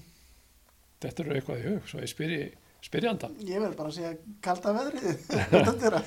Nei, það er í rauninni sko, þú, sem þjálfar í knaspinu, Mm. þá ert að þjálfa upp einstaklinga fyrir, ef við tölum um mestaraflokk, Mm. til að geta haldið út leik sem er tvisasinu 45 minútur. Mm. Þú býrði ekki við það, þá nálgun að geta skipt þeim út af og inn á aftur. Já, mitt. Þannig að þú ert að búa þá undir 90 mínuna verkefni, jafnvel lengur. Já. Og þú þarft að þjálfa það jafnvel öðruvísi, Mm. heldur en handbólta, fótbólta eða, eða blag. Og þetta reynir svolítið á uh, sko mentun og, og, og innsæi í þjálfaran og ekkit síður að þjálfur, eða semst leikurinn er svolítið slitróttur. Það er aldrei einhver först regla á sprettum eða öðru. Mm. Þannig að þetta þarf að vera undirbúin að gera þess að þarf þjálfunin að vera mjög fjölbreytt. Mm. Og þetta er heilmikil stúdía og, og, og lægni en það hefur verið afskaplega skemmtilegt að vinna með íslensku þjálfurum í dag, Mm. ekkert síður en áður en, en kannski að opna aðeins augun fyrir þeim um aðra möguleika skipulegningu en þeir eru kannski sjálfur og hafa verið sjálfur vanir. Verður mér móttakilegir? Já, mjög finnst mér, mjög. Svo er spurning hvað þeir eru tilbúinu til að fylgja þess eftir í eigin þjálfun en ég tel að ef við viljum ná og halda okkur uppi á þeim stað þar sem við höfum verið og þetta er náttúrulega frábært sem alveg frá því að getur sagt frá því að Lars kom Mm. heimi tók við og, og núna höfum við verið að halda okkur á, á góðum stað Mm. og þetta kallar á það að við þurfum að hlúa vel á okkar yngri aldurshópum og þá þurfum við að koma til mjög markvis vinnubröð hjá þjálfurum.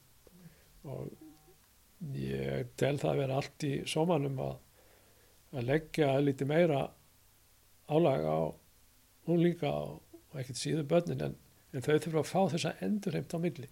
Þannig að þau skýli sér af æfingu eða leikjum í betra ásökkomulega eða þau kom inn og að því að leikun hann bara krefst þess ef við viljum ná árangri að við séum að hámarka afkastagetun og þetta er hægt að skipulegja á markvissan hátt. Mm. en þetta kallar á mjög erfið eitt eða tvö ár í vinnu þjálfara eftir svona námskeið. Mitt. til þess að festa ákveðna aðferðafræði í sessi.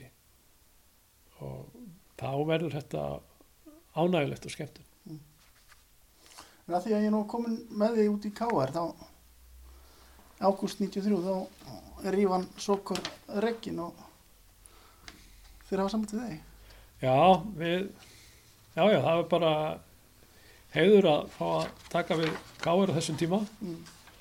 uh, Alli var þarna inni með okkur Mm. og var inn í þessu sem þjálf, við vorum eiginlega tveir beðnur um að taka okkur þjálfun, ég og Alli Eðvars Voru það báði þjálfara og hann, Já, bara, hann já. spilandi með. Já, hann var spilandi Já, Þannig að okkur kom bara saman um það, Mm. mér og alla. Mér er svo vel við alla og saknars Mm. og blessu sé minning góð strengs. En við deilum saman sko herbyggi held ég flesta alla landsleiki sem ég spila og góðu drengur og, og mikil eftirsjá. Mm. En við komum okkur bara saman um að hann einbytti sér að leiknum og ég að þjálfuninni og svo skoðum við svona áherslur á milli fyrir leikina, fyrir fundina og, og, og hérna fyrir æfingar. En ég sé að mestu leiti um æfingarnar en, en tölum okkur saman um taktik og, og val á leikmannum og annað. Er, er ekki liðið bara í, voru þið ekki bara í byllandi vall? Þeir voru eiginlega í fallsæti. Já, Já, voru einu eða tveimur stíðum frá já. fallsæti. Hvað var að hjá liðinu? Ég, af því að ég er nýbúin að nefna hérna of mikla þjálfun Já, og of litla endurheimt þá held ég að þetta hafi verið þýska aðferðin já, að þeir, það vantaði endurheimtin í það já, þannig að ég, ég sagði við alla og, að þú bætir ekkit við þrekið er svo lítið eftir það eru hvað sjö leikir eftir? Ég held að það veri 14 stig þá í bóði að því að voru tvö, minnir að það verið tvö stig en ekki þrjú fyrir unni leik. Þú bætir ekkit við þetta við þreki svo mikið. Það er frekar að fá það mesta út úr leikmannum eins og hægt er. Og þá kom þessi aðferðafræði sem ég nefndi á þann að því þú nefnir káar að auka endurheimtina Já.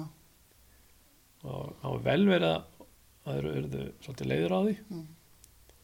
ég fór í barnaleiki með þá líka til að fá gleði í þá stórfiskaleik og ymmislegt annað bara vel, Já. já það var í svona skothittni og annað Mm. og mikil endurheimt og eftir hverja einustu æfingu var annarkvort voru yfirleitt bananar ávestir Mhm. fyrst var mjög lítið snert af ávestum Mm. Á fyrstu tveim þreim æfingum en Jónas Kristinsson bróðir Rúnars Mm. Kristinsson var þá formar eða framkvæmtastjóri Mhm. var svona okkur innan handar og afskaplega gott að hlýjar rætu til hugsa lítil káir alltaf Mm. og hann var alltaf með þetta tilbúið Mm. þannig að eftir viku það var aldrei neitt ávöxtur eftir á og þetta varð eiginlega til þess að formið hjá þeim það fór bara upp á við Mm.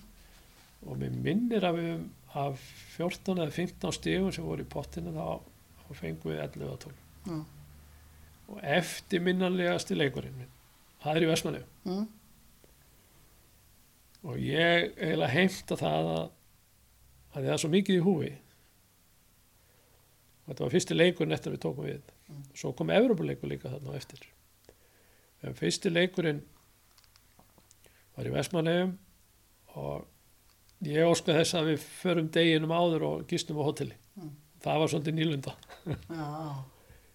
og ekki bara það heldur var nýlunda að við mætum að modni og hittum aðeins upp og tökum létta æfingu á vellunum fyrir hátegi og spilum svo þetta hafi verið á sunnudegi þetta var á sunnudegi eftir hátegi Mm.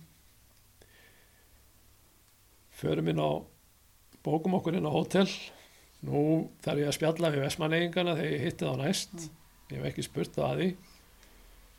En þeir sett okkur allir í herbyggi ég held að við vísa til vestus og neðstu hæð voru tónleikar og þannig að það var háaði til 2-3 á nóttina. Þannig að við fórum allir í herb, settir í herbyggi þannig að mér leist ekkert á blíkunum Mm. Veist ekki þér heyra það? Nei, það var í rauninni ekkert hægt að segja. Við Mm. varum bara komin í herbyggi og áttaði maður sig ekki á því að það var dundrandi músík fram eftir nóttu. En við unnum þennan leik eh, 2-1. Eh, Það hefði derfitt við færðum hann framar Mm. og stóð sér vel, þannig að við gerst þannig að markið. Eh, Rúna Kristis, mér fannst hann koma afskaplega vel upp á þessum tíma. Mm. Þetta verður slökuðum á. Það er Rúnar er svo steitt skemmtilegast til knastmyndum sem ég hef nokk tíma að þjálfa Mm. og ég hef trú á því að hann með örlítilli hefni þá hann geta náð langt og bestu leikmenn Európu. Mm. Uh, hann stóð sér feikna vel og svo komu stráka sem hefur verið í öðrum flokknum og við gáðum þeim tækjafæri líka Já. sem voru að standa sér feikna vel líka. Mm. Þannig að þetta var bara reyslu, mjög reyslu mikil tími Mm. og bara þakkláttu fyrir að fá að nýta hann. Hefði kannski vilja halda áfram að þjálfa káir en ég heldur að hafa verið búin að semja við Guðjón Þórasson Mm. áður en tímabilið. Þannig að þú vildi vera áfram? Já, ég hef alveg verið til í það Já. á þessum, á þessum, þessum tíma. Já. En uh, þetta er bara fótboltinn og lífið og Mm. ég hefði svo sem nóg að gera í annari vinnu og það var ekkert sem, sem drublaði mig. Já. En það var líka áhugavert sko, svo spiluðum við á móti umhverjum, Mm. ja, tvo Európuleik, ég vissi töpuð þeim, uh, töpuð þeim heima, Mm. en uh, það gekk samt ágætlega einnig, sko. Já. þannig að það var svona reynsla fyrir mig ekkert síður að, að taka þennan slag Já. og allir heldur svo áfram og gerur góða hluti í þjálfunni. Þú fórst nú ekki, fórst ekki inn í Jó, þetta? það var svo eitt tímabil í Sangerði að við höfum spilað á móti Sangerðingunum með svo vel á þessa ungu strákar sem var þar Já. spilað þar við annarflokkin Já. spilaði með mitt við á og myndum við feikna sterkir einstaklingar ungir, Mm. librir voru að spila ég veit ekki hvort þeir átt draumaleikin á móti okkur Mm. uh, æfingarleikur sem við spiluðum við á og ákvað ég á ættir að reyka í gardin Mm. eða sangerði amma mín er hún er fætt í bárugerði og er vel til suðunni sem hana Mm. hluta mínu starfi núna er í Reykjanesbæ meðal annars með þetta verkefni og það gekk ágætlega fram við unnum fyrstu fimm leikina Ok. Engum, þá voru komið þrjú hvað, í hvað deildu var þið? við vorum í annari Já. en þá hallaði undan fæti Mm.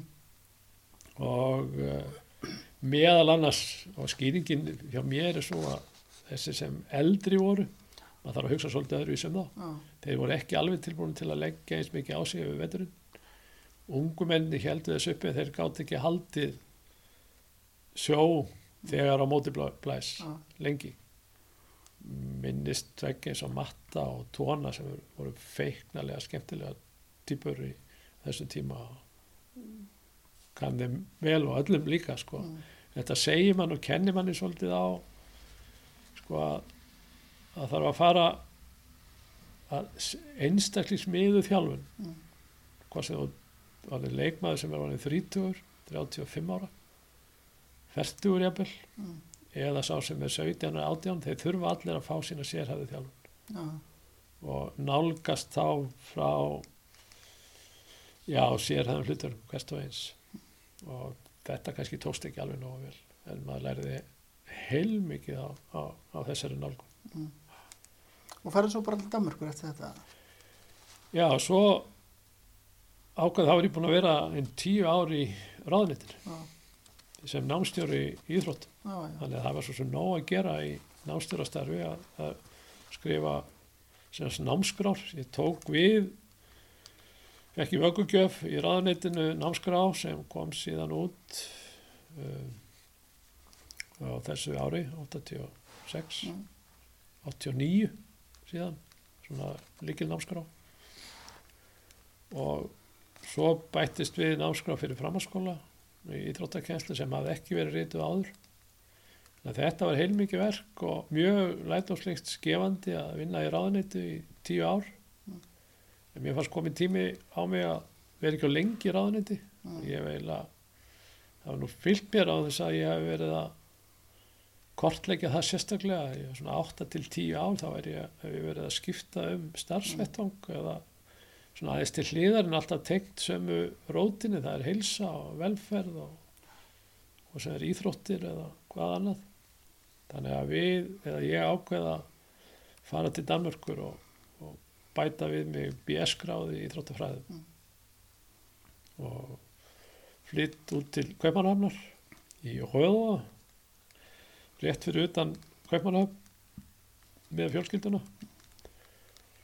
Og þá tekur náttúrulega við bara þjálfun líka. Mm. svolítið skemmtilegt hvernig það þróaðist en ég hafði verið í sambandi við þá í gegnum KSI eh, Danska Knastmyndusambandi hitti þar mjög vingjallegt fólk og skemmtilega stráka sem þá voru að vinna þar. Og þeir spurðu viss að ég væri að flytja og í nám í, í Kaupanarhafna háskóla og spurðu hvort ég eða eiginlega mínu frumkvæði hvort ég gæti komið aðeins fyrr og verið að starfa hjá þeim yfir sumarið. Bara uh, sem af ánæginu vegna til þess að komast aðeins betur inn í máli Mm. þeir buðu mig þá bara kennslu á í knastmynduskóla í Danmark Mm. sem var feikna vissall og er enn frá sem er skipulaður af danska knastmyndusambandi þá í gegnum félögin. Svo ég bara skipuleg tvo knastmynduskóla innan svona svæða fyrir þeirra hönd og, og er að kenna og þjálfa og strákandi mínir tveir, Daði annars vegar og Andri hins vegar.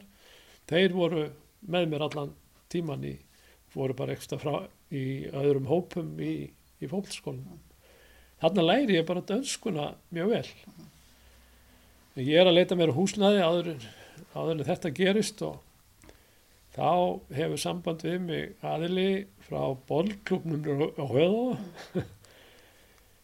sem er þjálfaralaus og er að spila í Kaupanarhafnaseríunni og spyrja mig hvort ég hef áhuga að þjálfa ég sagði alveg sjálfsagt ef ég eh, en með einu skilir því að það er að þið sjáum leigun á húsinu sem ég var að, að, að finna Mm. og ég sé um þjálfunum og þarna var það svona til fín vöruskiptajöfnuður að, að allir voru sáttir og ég var í, að þjálfa í Kaupanarhafnaseríunni með að ég var að stúdira Mm.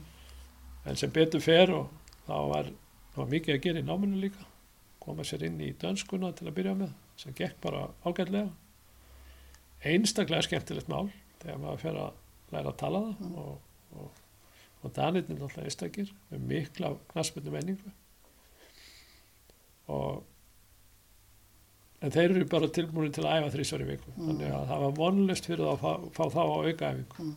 en það gekk mjög vel Mm. Og spilum góðan fótbolta og skemmtilega fótbolta þegar þarna voru strákar sem hefðu vel sómað sér í fyrstu deildinni hér, á- hér heima Mm. en þeir eru ekki alveg tilbúin til að leggja oft eins mikið á sig eins og, eins og við Mm.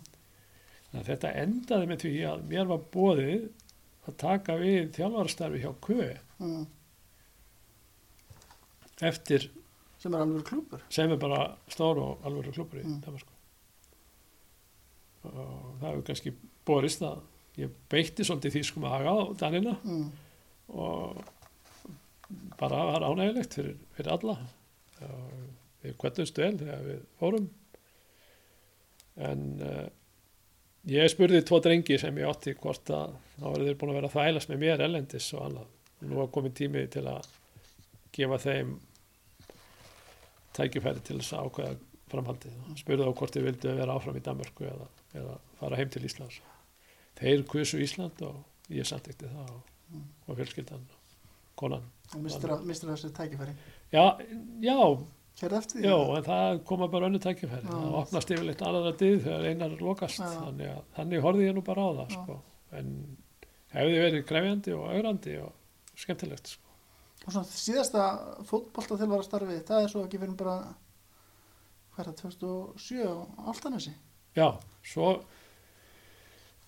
svo er annars orðum minna annar fór í körfuna meira Já, Daði og Andri er í, á Altanesi. Mm, ég er búinn að þjálfa ég og Kjartan Sigtrisson en uh, skemmtilegi markmaður á gullnaldatíma IBK Mm. Keflavík. Við og Kjartan Alli kannastu kannski já, við og kannast já, við. já. Daði og hann eru jafnaldrar og að við stopnum knaspinu deild á Altanis á sínum tíma. Og ekki stopnaði Já, við stopnum það. Og komum af stað knaspindinni, við getum sagt það á, á Altanis Mm, uh, eftir að ég flyttst heim tilbaka og hann er þá nýlega fluttur á Altanes líka. Já, þannig að Kjartan Alli og Daði og Andri eru allir í þessu ferli. Mm, ég fylg Guðjón Pétur Lýðsson líka já, sem ég veist ég eiga nú svolítið í. Já, uh, ég hef nú sagt að ég hef skipt stundum á bleiðu á honum. Já, hann, er fættur þá kemur aftur inn á svona karaktera. Eins og Guðjón sem fættur eru sem að þarf að gefa gaum að því ég var að ræða það áðan. Mm. að þurfum að gefa einstaklingnum meiri gaum. Mm. við þurfum líka að velta fyrir, því, fyrir okkur sko hvenar þeir eru fættur á árinu. Já, mitt. Ég er fætt, ég er frekar ég segi ég frekar seinþráska uh, fættur í oktober hann er fættur í á, sko, síðustu dögum desembermánaður er á eftir aðeins í þróska Mm. ég er eina hlúa á honum að því ég sé eitthvað svona element í honum Mm. sem gætu sko fengið að vaksa og dafna síðar. Og uh, hann er einn af þessum fjölmörgu altnisingur sem vaks upp og eru góði fókbaltamenn Já, og hefur aldrei spjara sig og, og vel. Þannig að þetta eru hópur sem, sem þegar þið lendi í vandræðum því ég bý út á Altanissi þá hef ég örgulega gripið svona fjögur, fimm tímabil inn í þjálfun hjá. Já, það er sem oft. já, já, ég hef leist þjálfarana af, þeir hafa þurft að fara í frí. Já, það hefur kannski ekki verið alveg eins mikil alvara ofta bakvið já, og líka með að ég var að stunda sko kjenslu og, og námskeið hjá KSI Mm. og er að enn þá þarf ég að geta gripið í þjálfun og prófað ákvæmna hluti og hvort þeir virka og svo framvegis þannig að þetta var kjöri tækifæri til þess en Það laun, langt laun hef ég ekki þegið, þegið sko. nei. Hvað er langt síðan þú þjálfaði hérna síðast? þá? það var held ég þegar að Þórhallur var þar þjálfari Já, og þurfti að það sé- það er nú 5-6 ár síðan já, og strákurinn minn var að spila þar og, en við fórum upp um deild og Mm. þetta var svolítið skemmtilegt að geta annarkvæmt aðstóða þá eða, Mm. eða, eða gripið inn í þann þannig að, Ertu til taks ef einhver ringir í því núna? hvað segirðu? Ertu til taks ef einhver ringir í því núna? Ég er alltaf til taks Já, en að grípa inn í eina æfingu geti vel verið en tímabil eða Já. heila mánuð hef ég ekki tíma eins og er nei. það er svona önnur forgangsatriði í lífinu í dag Þannig að ég reynir svona alvara í fótboltaþjálfur er eiginlega búin hjá þér. Þannig- Já, já, ég hef búin að, búin að skrúa fyrir hana Já, Já, það það er segja, sem þú það þess, þó veit maður aldrei maður, maður skal aldrei segja nei Menn getur það að ringt eða vilja. já, já, ég geta Já, það ég ætla að spyrja það að lokum út í hérna 17. júni í fyrra. Þá fyrstu ég er að spyrja um. 17. júni Já, og heimsótt til Guðna já. fórsetta, já hvað ætlar að spyrja um það? Hvernig var að fá fólk á orðina? Hvernig var þið við að fá þetta síntal? Ég var hærður, Já, já uh, stoltur mm, og kannski ekki síður fyrir það að á þessum tíma ég er búin að leggja svolítið á mig að, að vinna með eldri aldursópa Mm. í þjálfun. Mm, rannsóknum sjö ár. Í, og láta hlutin að verða veruleika. Mm, þá þá ertu bara hræður og, og stoltur og, en auðmjókur mm, fyrir að kannski geta látið gott að sér leiða. Mm, maður horfir sko að fenginni reynslu þá horfir maður svona öðruvísi til lífsins í dag en maður gerði áður. Mm, uh, af því þú tekur ekkert með þér. Mm, nema þá andan og, og lífs og, og lífið sjálft. Já, þannig að já, ég var stoltur og, og þakkláttur eiginlega og kannski ekki síst til þeirra sem er að leggja þessum aldursópi líð mm, af því hann er vand með farin oft en uh, nöðsulegt ekkit síður á þessum tíma í dag þegar þjóð, eins og við byrjuðum þetta simt, samtal að þjóðin er að eldast. Og við erum við erum, þurfum að undirbúa okkur mun betur fyrir það öldrunar samfélag sem við erum að ganga inn í. Og þá er kannski gott að geta lagt eitthvað á vogaskálandar við höfum núna í stöttum tíma frá því við byrjuðum og með þetta verkefni varðandi fjöld þetta heilseflingu fyrir eldri aldursópa fengið góð aðtikli en ekkit síður ellendis frá Mm. verið í samstarfi við embætti landlæknis Mm.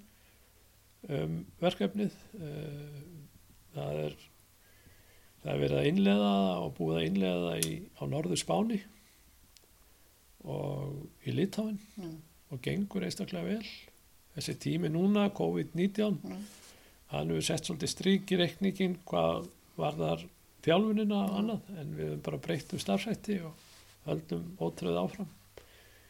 Og svo erum við nýlega búin að fá símtal og, eða tölvupost frá OECD Mm. sem hafa áhuga á verkefninu. Vegna þess að menn sjá að þörfin fyrir uh, heilsutengda forvarnir eru aldrei eins miklar eins og það er í dag með, með þessum hækkandi aldri. En þú ert í útrás. Mm, Já, ekki vil ég, ég vil ekki eiginlega tala um útrás, þetta er bara einhver þróun sem, sem, sem gerist Já, og við, okkur liggur ekkert á Nei. en við viljum gera það vel sem við erum að gera Mm. og kannski þakklátur sko að því fjölskyldan öll er komin inn í þetta ferli Mm. uh, einum að öðrum þætti Mm. einhvern veginn hafa sko hlutverk þeirra í lífinu harmonera svolítið við það sem ég er að gera Já. og geta átt innkomu inn í verkefnið Mm. sem hann að fulli starfsmenn eða komið inn í starfið Mm. og ég tel að, að því þú varst að minnast á þessa fálka orð, orðu ég sé að þetta sé kannski bara viðurkenning ekkit bara fyrir mig heldur fyrir þá sem hafa verið að sinna þessu málaflokki og, og ekkit síður fyrir eldri aldursópin sem er tilbúin að leggja þetta á sig og syngt að við getum gert ímislegt þó að aldurinn færist yfir okkur þó við séum hætt að leika knastbyndu. Gaman líka að fólk hafi tekið eftir hvað það að gera. Já, það hefur nú bara gerst sjálfkrafa í rauninni sko. og þetta er kannski eins og uh, æfingin sko. og þú ert að undirbúa æfingu og þú vilt gera það vel bæði sem þjálfari eða, eða leikmaður að standa þig.